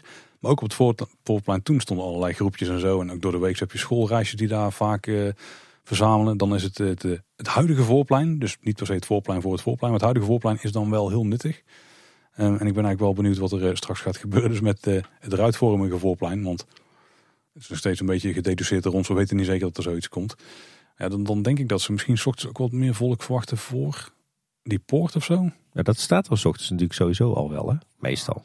Met de keer dat ik dat heb meegemaakt was het nou ook niet zo druk. Want om negen uur gaan die poorten open volgens mij. Als het park om tien uur opent, in ieder geval een uur dus voor uh, opening van uh, het hele park. Dan staan daar misschien een paar honderd man of zo. Niet voldoende om, het hele, om daar een extra plein op te tuigen. Ja, aan de andere kant, die routing gaat er natuurlijk wel helemaal veranderen. Mm, want je loopt nu natuurlijk uit je, de, de rij waar je auto staat, uh, uh, slenter je zo een beetje over de rijbanen richting de parkeerpromenade. Maar dat kan straks natuurlijk niet meer, want dan ligt daar die grote tunnelbak. Hm, wel een punt, ja. Nou ja, eh, weet je wat het is? Ik denk dat je die ruimte zowel op dat voorplein uh, als onder de kap echt wel hard nodig hebt. Want soms staan er enorme mensenmassa's. Ik denk dat het voorplein ook wel zorgt voor echt een majestueuze aanblik van de entree. Mm er kan op zich wel wat gebeuren aan de inrichting ervan. En er liggen nu allemaal van die ja, toch een beetje schrale betonnen klinkertjes die niks hebben mogen kosten. Nou ja, dan mag misschien wel wat mooiere verharding in. Ja, en het Huis van de Vijf Zintuigen is inderdaad een vrij leeg tochthol op dit moment. Ja, dat is zeker waar. Ja. Maar ja, wat moet je daar dan doen? Nou ja, sowieso denk ik andere bestrating. Misschien ook iets meer uh, crowd control. Want het is nu vaak rond openingstijd één grote mensenmassa. Waarbij er ook al wel wat wordt voorgedrongen. En af en toe leidt dat tot wat irritatie en agressie. Dus ja, misschien dat ze dat toch iets beter kunnen leiden met, uh, met hekwerken of iets dergelijks. Uh, maar verder, ja, ik ben bang dat je die ruimte gewoon wel grotendeels leeg moet houden. Ja, daar ben ik ook bang voor. En dat is eigenlijk wel jammer, want ik heb wel zitten fantaseren over dat daar een fontein of zo onder staat. Een beetje groot, maar die staat uiteindelijk alleen maar in de weg. En daar is wel uh, het nadeel daar. Maar ja, het voelt wel echt enorm kaal. Een beetje als een, als een woestijn met een overkapping overheen, zeg maar. Als er gewoon niemand staat. Dan is het wel, ja, dan, dan mist het wel wat, ja. Misschien, misschien moeten we eens gaan kijken bij Paradise. Die hebben een nieuw entreegebouw wat echt prachtig is. Ja, dat is een ontzettend modern winkelcentrum. Heel chic dan, hè? Ja, ik hoor mezelf zeggen prachtig, maar ik vond het ergens ook alweer protserig, meen ik me herinneren. maar op zich, daar werken ze volgens mij wel ook met, uh, met wat lichtstraten en wat bomen en beplanting. Uh, mooie natuursteen op de vloer. Ja, de, de, de verharding kan wel een hoop helpen inderdaad. Maar misschien dus ook wel kijken naar of dat ze op punten wat meer dingen naar beneden kunnen brengen of zo. Ik ga een vloek in die kerk hoor, maar het slaat echt helemaal nergens op. Maar stel je hebt een soort van enorme kroonluchter die op twee punten, dat er twee naar beneden hangen. Dan zou de ruimte al wat anders doen voelen. Maar misschien gaat het dan zo anders voelen dat het weer niet goed voelt. Want het grote, als je dan in de kapel komt, is ook wel vetter als je omhoog kijkt. Gewoon dat je zo hoog die, die kap in kunt kijken, is wel echt wel tof. Ja, misschien wat uh, met een uh, net iets spannender lichtplan of zo. Ja, daar hebben ze toch al wat, wel wat aan proberen te doen. Hè? Hm, er zijn wel mogelijkheden, waarschijnlijk. Maar ik kan ze zo even niet eh, opdreunen. Weet je wat ik wel een, een toffe optimalisatie zou vinden? Uh, stel dat nou, hè, dat, uh, we krijgen straks natuurlijk een grote winkel in het Efteling Grand Hotel. Dan is even de vraag, wat gebeurt er met Efteldingen? Het lijkt erop dat die blijft bestaan. Maar stel dat de Efteling nou, Efteldingen nou sluit. Dan lijkt me dat dus echt de perfecte plek voor een veel toegankelijkere en, en gastvrijere gastenservice. Ja, Want nu is het echt nog zo'n zo'n rij loketten ja, links in die, dat grote tochthok. Waarbij je echt nog ja, tegen iemand praat achter een ruit. Alsof je in een oud NS-station staat. Ja, het lijkt me fantastisch als je in de oude Efteldingen. Als je daar gewoon ja, een vrije ruimte hebt waarin iedereen kan staan. En dat je uh, helemaal rondom alle balies hebt van de gastenservice. Maar heb je dan ook nog, uh, oh rondom. Ik zou ze in het midden misschien verwachten. Of in het midden. Maar zou dan in jouw ogen de kaartcontrole verplaatst moeten worden? Dat de gastenservice ook nog, want je moet een stukje gastenservice hebben voor de kaartcontrole natuurlijk. Ja, misschien dat je dan inderdaad een kleine gastenservice hebt voor inderdaad de problemen met toegangstickets. Maar dat alle andere vragen, dat je die gewoon al in het park doet na de kaartcontrole. Dat heeft zeker potentie, ja. Maar een attractie of zo onder de kap, ja, dat lijkt me niet echt iets voor te zeggen. Maar iets wat, waar je naar kunt kijken bijvoorbeeld, zou, daar zou wel iets voor te zeggen zijn. Hoor. Dat je er staat te wachten dat je nog iets te zien hebt. Ja, misschien een hele mooie natuurstenen vloer met daarin allerlei patronen verwerkt. Een beetje zoals we dat nu ook kennen vanaf het, eh, het Sterrenplein op de Pardoespromenade. Misschien wat teksten, silhouetten die refereren naar het park. Eh. Ja, zou op zich wel vet zijn, maar als er s ochtends 4000 man op staat, dan zie je er toch niks van. Maar goed punt. Stel je hebt een paar beelden of zo daar rondomheen staan, dat je, dat je er iets te zien hebt, dan zou wel schelen. Maar, maar misschien doet misschien ook wel weer af. Ik vind het te lastig. Ik vind het, het, lastig. het partnerstatue van de Efteling, Anton Pieck met Pardoes in de hand. Ja, dat is wel echt het klasje van twee werelden. Redelijk vloeken, vloeken in de, kerk. Misschien moeten ze een soort Mount Rushmore maken, maar dan van hout. Dus de, gezichten van ontwerpers zo. Uh, nee, dit dus worden niet beter op. We gaan snel naar de tweede vraag van uh, onze anonieme luisteraar. En die is, de laatste echte grote vernieuwende attractie komt inmiddels uit 2017. Deert de Efteling niet te veel op het succes van het verleden? Zijn ze na de bouwdrang van Bart de Boer niet te veel in een veilige modus gerebound? Mijn gevoel zegt mij dat het tijd wordt voor een nieuwe Efteling Renaissance... waarin ze in vijf jaar tijd echt vier knallers neerzetten... zoals tussen 81 en 84. Ik vind dat Efteling echt veel risico neemt door zo langzaam te innoveren. Kunnen jullie je hierin vinden? En de basis, het feit dat ze hier veel risico nemen, daar kan ik me niet echt in vinden. Ik denk namelijk dat heel snel uh, heel hele grote attracties uh, neerknallen, dat daar juist heel veel risico in zit. Ik, vroeger was het zo dat, nou ik zou zeggen, ze hebben het geluk gehad dat het allemaal goede attracties waren. Het is vrij lastig om in dit klimaat nog in dit pretparkklimaat nog heel snel te doen. Er is echt enorm veel aanbod in, uh, in heel Europa, ook op uh, korte afstand van uh, Nederland. En dat was in die tijd gewoon niet zo. Alles wat je neerzette was gewoon uniek en groot en wij zijn er allemaal van gaan houden. En daardoor hebben die gevoelens erbij uit de jaren 80 dat het echt toppers zijn. En nogmaals, ze hebben het geluk dat het in, het in de meeste gevallen dat er eh, echt waren. Check een piranha en een python. Ja, nou, maar nou, het is een- python is de glans wel een beetje verloren trouwens. Ja, ik wou net zeggen, wat is er verder tussen 81 en 84 neergezet? De gondoletta, Oude tuffers. oude eh, Tuff, een uh, halve Polka Marina, eh. Eh, even kijken. Nou, Fata Morgana. 86 was het. 86. Oeh, nou, dat, misschien had hij het een paar jaar moeten oprekken. Hij had het over een periode van vijf jaar. En dan past het net. Weet je wat ik denk? Ik denk dat de Efteling gewoon pech heeft. Daar is het ook zo, ja. Want weet je wat het is? Als je, als je kijkt, als je gaat tellen vanaf 2010, hè, dan hebben we Joris en de Draak gekregen. Ravelijn, Aquanura, Baron, Symbolica. Moet je eens kijken, dat zijn vijf vette attracties in zeven jaar tijd. Ja, daar roep je wel Tim, maar het zijn natuurlijk... Het zijn niet alleen attracties. Hè. Het- Nee, maar, maar wel, wel echt toevoegingen aan het attractieve aanbod van het park, toch? Ja, nou, ik, ik vind namelijk altijd Bart de Boer stond bekend om het bouwen. Maar uiteindelijk qua attracties, echt wat ik dus zie als een klassieke attractie, heeft hij er eigenlijk maar één toegevoegd. Wat dan ook een vervanging was van een bestaande attractie van hetzelfde type. Ja, maar Wel- goed, wel een flinke verbetering wat mij betreft, toch? het, het, het was een aanloopje naar mijn werkelijke Oh, sorry, verhaal. Sorry. ik wilde gaan doen. Ik eh, zou je niet meer storen. Wat gebeurt er in 2017? Kleine boodschap start. Eh, dat sowieso. Eh, nou ja, dan, dan willen ze natuurlijk eigenlijk naar het oosten gaan uitbreiden. Dan gaat de hele bestemmingsplanprocedure lopen. Nou ja, we weten allemaal hoe dat gelopen is met de bezwaren en de Raad van State. Dus dat zit, al niet mee. Eh, vervolgens gaat de Bob kapot, om even plat te slaan. Dus het geld wat ze wellicht hadden willen besteden aan een nieuwe attractie, moeten ze steken in een volwaardige vervanger van de Bob. Al dus Max en Moritz. Vervolgens de volgende tegenslag is, hey, we moeten iets eh, met het spookslot. Nou ja, dat blijft natuurlijk een beetje sudderen, want daarna komt corona. Twee zware jaren, waardoor ze eigenlijk nou, misschien wel drie jaar lang eh, hand op de knippen moeten houden. Dus eh, zo hebben ze iedere keer tegengeslagen. Hè. Strookrijk komt niet van de grond. Ze hebben twee grote attracties waar ze een eh, volwaardige vervanger voor moeten betalen. Ze zitten met corona. Dus eigenlijk sinds het begin van deze podcast zit het bij de Efteling niet mee. Ze zitten in ieder geval niet in een periode waarin ze het geld wat ze hebben heel makkelijk kunnen steken in het bouwen van nieuwe attracties. Het is natuurlijk wel zo dat als het bestemmingsplan was goedgekeurd, dan hadden ze dus wel die plannen van Grand Circus Balancé doorgezet. Had je dus in 2020, als het allemaal de originele tijdlijn had gevolgd, hè, had je de eerste volgende grote nieuwe attractie al. Echt een gigantische attractie met een uitbreiding van het park.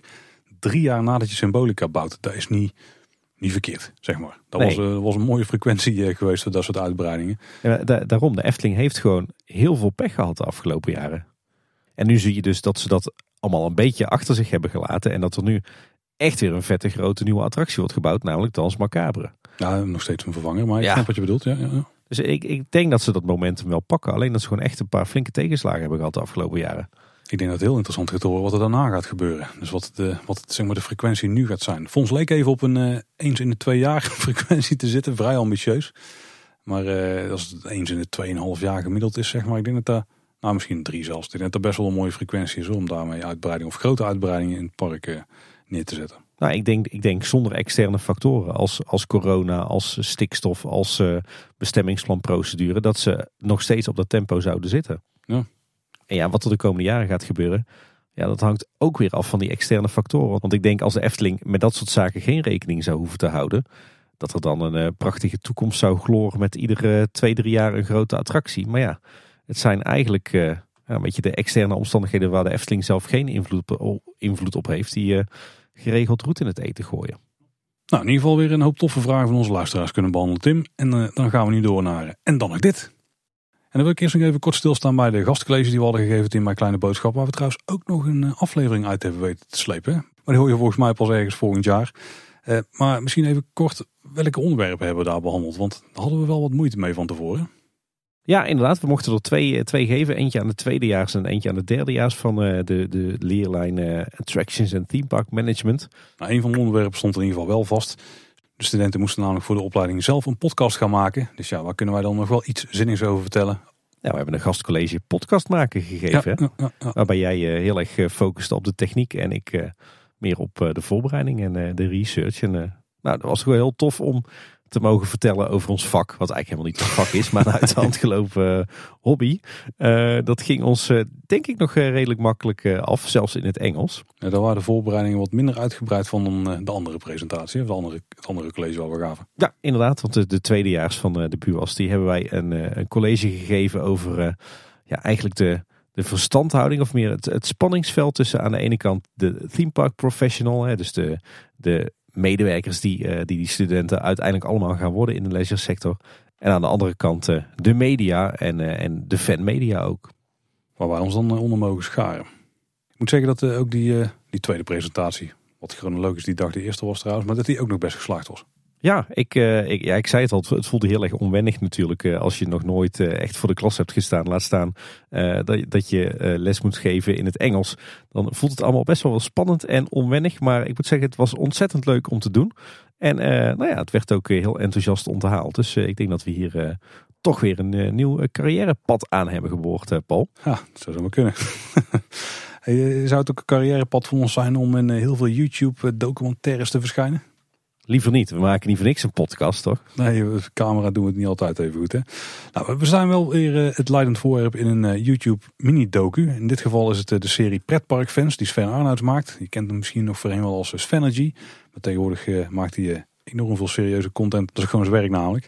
In het tweede seizoen van die serie kun je ons dus zien. Ja, heel tof. Want zijn doel met die serie is ja, mensen laten zien dat, het, dat je je absoluut niet hoeft te schamen voor het feit dat je pretparkfan bent. Maar dat je er juist trots op mag zijn. En worden in dit tweede seizoen vergezeld door een, eh, een heleboel toffe bekende pretparkfans. Dus eh, mooi om daar eh, aan mee te mogen werken. En ja, een mooi kort inkijkje in Kleine Boodschap. Nou ja, en de vraag die ik echt al 24 keer heb gekregen. Ja, ik ben inmiddels 40. In die video stel ik me voor als 38. Die opnames die zijn van, nou ik denk serieus een jaar en een paar weken geleden. dus uh, dat verklaart het allemaal. Ja, ik kreeg ook te horen van, uh, je zegt dat je bij een kleine gemeente werkt. Eh, zo klein zijn wij toch niet? Uh, maar ik werkte dus ook nog bij een andere gemeente toen die docu werd opgenomen. Hey Tim, even iets compleet anders. In de intro meldt het al heel kort. Wij hebben een fooiepot aangemaakt. Dus je kunt kleine boodschap vertaan een fooitje geven. En dan hoor ik al heel veel luisteraars denken, maar jongens, jullie zouden toch nooit het allemaal voor het geld gaan doen en zo? Nou, dat klopt. Dat is nog steeds het geval. maar we hebben eigenlijk de afgelopen jaren een, een, een groot voordeel gehad, Tim. We hebben altijd een stille sponsor gehad. Ja, en die, die betaalde onze, nou ja, zowel onze apparatuur als uh, onze vaste kosten. Hè, onder meer van de uh, hosting. Ja, jij weet er meer van dan ik. ja, de hosting, domeinnaam, e-mail hebben we ook nog. We hebben ook nog de site dan aan zich. Die staat er weer los van de, van de hosting van de files. Nou, dat maakt verder allemaal niet uit. Er komt een hoop bij kijken en het kost ook wel redelijk wat geld. Maar we hadden dus altijd een stille sponsor. Dat was mijn bedrijfje. Alleen uh, ja, een bedrijf is dat die ook uh, omzet draait. En dat doet mijn bedrijf sinds kort niet meer. En dat is niet erg hoor. Allemaal vanwege gunstige redenen en zo. Dus daar hoeven we allemaal niet te diep op in te gaan. Alleen ja, als je geen omzet meer maakt, kun je ook geen, geen dingen meer sponsoren. Dus onze sponsor houdt ermee op. Laten we daarop houden. En nou, dat betekent voor kleine boodschap in de basis niks. Want we maken de podcast met liefde. En dat blijven we gewoon nog steeds doen. En als het wel geld kost, het is een hobby, dan maakt het niet uit. Maar het is niet erg als daar eh, misschien een financiële bijdrage aangeleverd wordt. En daarom is die voor je potter. Die dient ook echt voor niet meer dan alleen dat. Je kunt daar eh, een foutje achterlaten. Kies zelf hoe je dat wil doen. We zullen een linkje in de site ergens opnemen waarmee je dat kunt vinden. We gaan hier ook niet al te vaak mee eh, lastigvallen. We zullen het vast wel af en toe een keer noemen. Maar verwacht deze niet standaard in de outro of zo. Eh, maar de mogelijkheid is er voor de mensen die dit graag zouden willen doen. Ja, we gaan dat geld dus alleen maar gebruiken voor dingen als, als hosting en eventueel uh, apparatuur. Maar zaken die we toch al zelf betaalden. Hè. Dingen als, uh, als onze tickets, onze reiskosten, onze parkeerkosten, ons eten en drinken. Dat betalen we altijd al uit eigen zak. En, dat blijven we ook doen. Het gaat gewoon puur om ja, echt de harde kosten van het, het maken van een podcast. Want ja, er kruipt heel veel tijd, energie en liefde in. En we hebben er natuurlijk geen moeite mee om er ook wat geld aan te betalen. Maar ja, als, uh, als we de lasten een beetje kunnen verdelen, dan, uh, dan uh, worden we daar heel blij van. En mochten we meer geld binnenkrijgen dan, dan wat strikt noodzakelijk is, dan sparen we dat gewoon netjes op voor eventueel als we nieuwe apparatuur nodig hebben. En anders gaat het gewoon lekker naar Villa Padus. Er is nog één ding waar we het misschien voor in moeten zetten, Tim. En dat is dat we wat ideetjes hebben voor evenementjes. Eentje heb je al heel vaak geteased trouwens. Maar daar weet ik inmiddels van dat we daar ook een redelijke aanbetaling voor moeten doen. En dan kunnen we het ook voor dat soort dingen inzetten weet in ieder geval dat wij deze podcast niet maken om geld te verdienen. En uh, daar houden we ons aan. En we gaan dus ook geen verschil maken in luisteraars. Hè. Er zijn eigenlijk maar twee luisteraars bij Kleine Boodschap. Je luistert ons wel of je luistert ons niet. En het is niet zo dat uh, mensen die een frontje achterlaten, dat die allemaal merchandise of uh, speciale unieke content krijgen. Want we willen dat onze afleveringen gewoon voor iedereen beschikbaar zijn en blijven. Ja, zoals het helemaal plat slaan. Kleine boodschap blijven toch wel maken. En als je een voortje geeft, krijg je er helemaal niks voor. Ik denk dat er nooit iets in de wereld zo goed is verkocht, in. Nee, niet bepaald.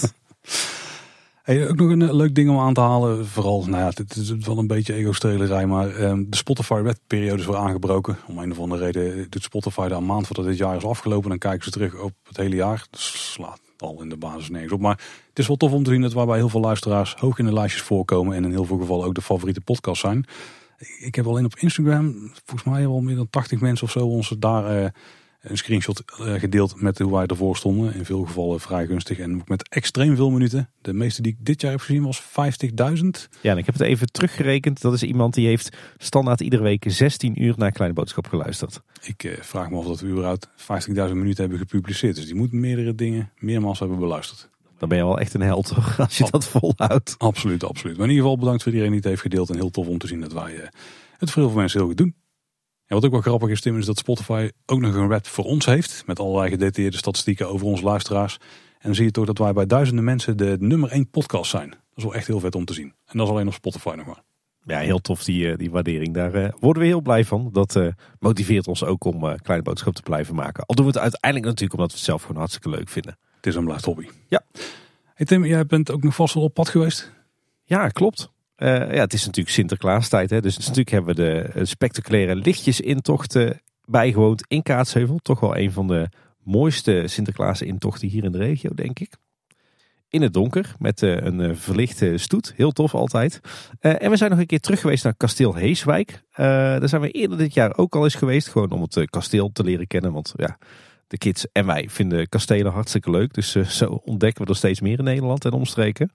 Maar deze keer was er uh, iets te doen op kasteel Heemswijk uh, rond Sinterklaas.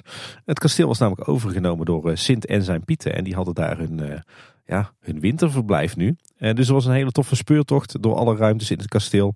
Overal cadeautjes, overal pieten, oud-Hollandse spelletjes. Dat was ook een beetje het thema. Je kon dus in het kasteel het verschil zien tussen hoe vroeger Sinterklaas werd gevierd in Nederland en hoe ja. nu. Dat is best tof gedaan met verschillende soorten cadeautjes, verschillende soorten snoepgoed. Uh, video, filmbeelden van een hele oude intocht en een intocht nu. Dus dat uh, hadden ze leuk aangepakt. Uh, toevallig dat we op de fandag van Ozo Snel terecht waren gekomen. Die stond daar buiten. Dat was de echte Ozo Snel van televisie. Dus bijzonder. Maar als, je, als je een keer op pad wilt met de kids naar ja, een plek waar je Sint en zijn Pieten kunt uh, tegenkomen in levende lijven, dan is kasteel Heeswijk toch zeker wel een, een aanrader. Uh, wat ook al een bijzonder momentje was, is dat we voor het eerst met uh, de oudste dochter naar 013 zijn geweest. We zijn al een paar keer met de kids naar een muziekfestival geweest, maar dit was de eerste keer echt in ja, een muziekvenue zoals 013. natuurlijk wel netjes met de oorkappen op, hè, want dat is natuurlijk heel belangrijk. We zijn naar een concert van Antoon geweest, want de oudste dochter die is hm. helemaal fan van artiesten als Nielson en Fleming en Antoon en Suzanne en Freek. En eh, deze kwam in 013. Dus we dachten, nou eens kijken hoe het is om met een meisje van zeven naar een concert in 013 te gaan. Maar dat uh, ging eigenlijk super. En ze was uh, mega enthousiast. Dus die heeft de hele avond in die zaal bij mij op de nek gezeten. Ja, was jij ook nog enthousiast aan het eind van de avond? Of? Ik was wel een paar centimeter korter. Maar nee, dat is hartstikke leuk om te doen. En echt fantastisch om dan die pretlichtjes bij die kleine te zien. Dus nou ja, dat is ook weer een ervaring bij haar, voor haar erbij. En gelukkig hadden we een snipperdag om in te zetten. Dus ze kon de volgende dag eh, lekker uitslapen, want ze, ze hoefde niet naar school. En ook wel een bijzondere ervaring. We zijn op bezoek geweest bij uh, vriend van de show Chris. Natuurlijk de bekende ja. pretparkfotograaf. Uh, en die heeft uh, zijn eigen Enchanted Tiki Room uh, gebouwd in zijn achtertuin. De Hideaway Tiki Bar. En daar hebben we gewoon lekker de hele avond cocktailtjes zitten drinken in de echte tiki sfeer. Vet. Ja, dus ik heb het alleen nog maar gezien in aanbouw, nog niet in het echt. Wel vet of niet? Echt heel gaaf. Ja. En uh, die hele cocktailbar, die uh, even los van het feit dat hij dus van binnen precies zo uitziet als uh, de Enchanted Tiki Room hè, in, in Disneyland natuurlijk. Zitten er ook echt duizend en één leuke details verborgen en knipoogjes naar allerlei pretpark gerelateerde zaken. Dus bij deze Chris ontzettend bedankt voor de hele toffe, gezellige avond. Nou, dan zijn we weer aan het eind van de aflevering terechtgekomen. Mocht je nou een vraag voor ons hebben, dat is een van de luisteraars vragen die we vandaag hebben behandeld. Dan kun je die op veel verschillende manieren bij ons krijgen. Heb je korte vraag, dan kan dat bijvoorbeeld via social media. Als je naar kleineboodschap.com slash volgen gaat, vind je alle kanalen waar wij te vinden, te volgen en te contacteren zijn. Ik gooi de nieuwe Nederlandse woorden er gewoon in, Tim. Verzinnen ze te plekken. Goed bezig. En als je uh, een langer verhaal aan ons kwijt wil, dan kun je ook via dezelfde website naar het contactformulier. Wil je nou een bijlage meesturen, is waarschijnlijk de ouderwetse e-mail het makkelijkste. En dat is info.kleineboodschap.com. Je luistert Kleine Boodschap natuurlijk in je favoriete podcast app of op Spotify. Eh, doe je dat daar nou, zorg dan dat je je abonneert. Maar je kan ons natuurlijk ook gewoon luisteren op de website. En dat is eh, kleineboodschap.com. En daar vind je ook alle show notes, dus de relevante linkjes bij de aflevering. Luister je ons nou op Spotify of bij Apple Podcasts, geef ons dan een, eh, een rating of een review. Dat kunnen we ook altijd eh, heel erg waarderen. En voor speciale Kleine Boodschap merchandise ga je naar kleineboodschap.com slash shop. En wil je een kleine bijdrage geven in de kosten van Kleine Boodschap, dan kan je naar voorjepot.com slash kleine boodschap. Of ook via een linkje straks via de website. Maar die moeten we nog fixen op het moment van opnemen. Ik vermoed dat het kleineboodschap.com slash voor je wordt. Dat was in ieder geval voor deze week. Bedankt voor het luisteren. Tot de volgende keer. En houdoe. Houdoe waar.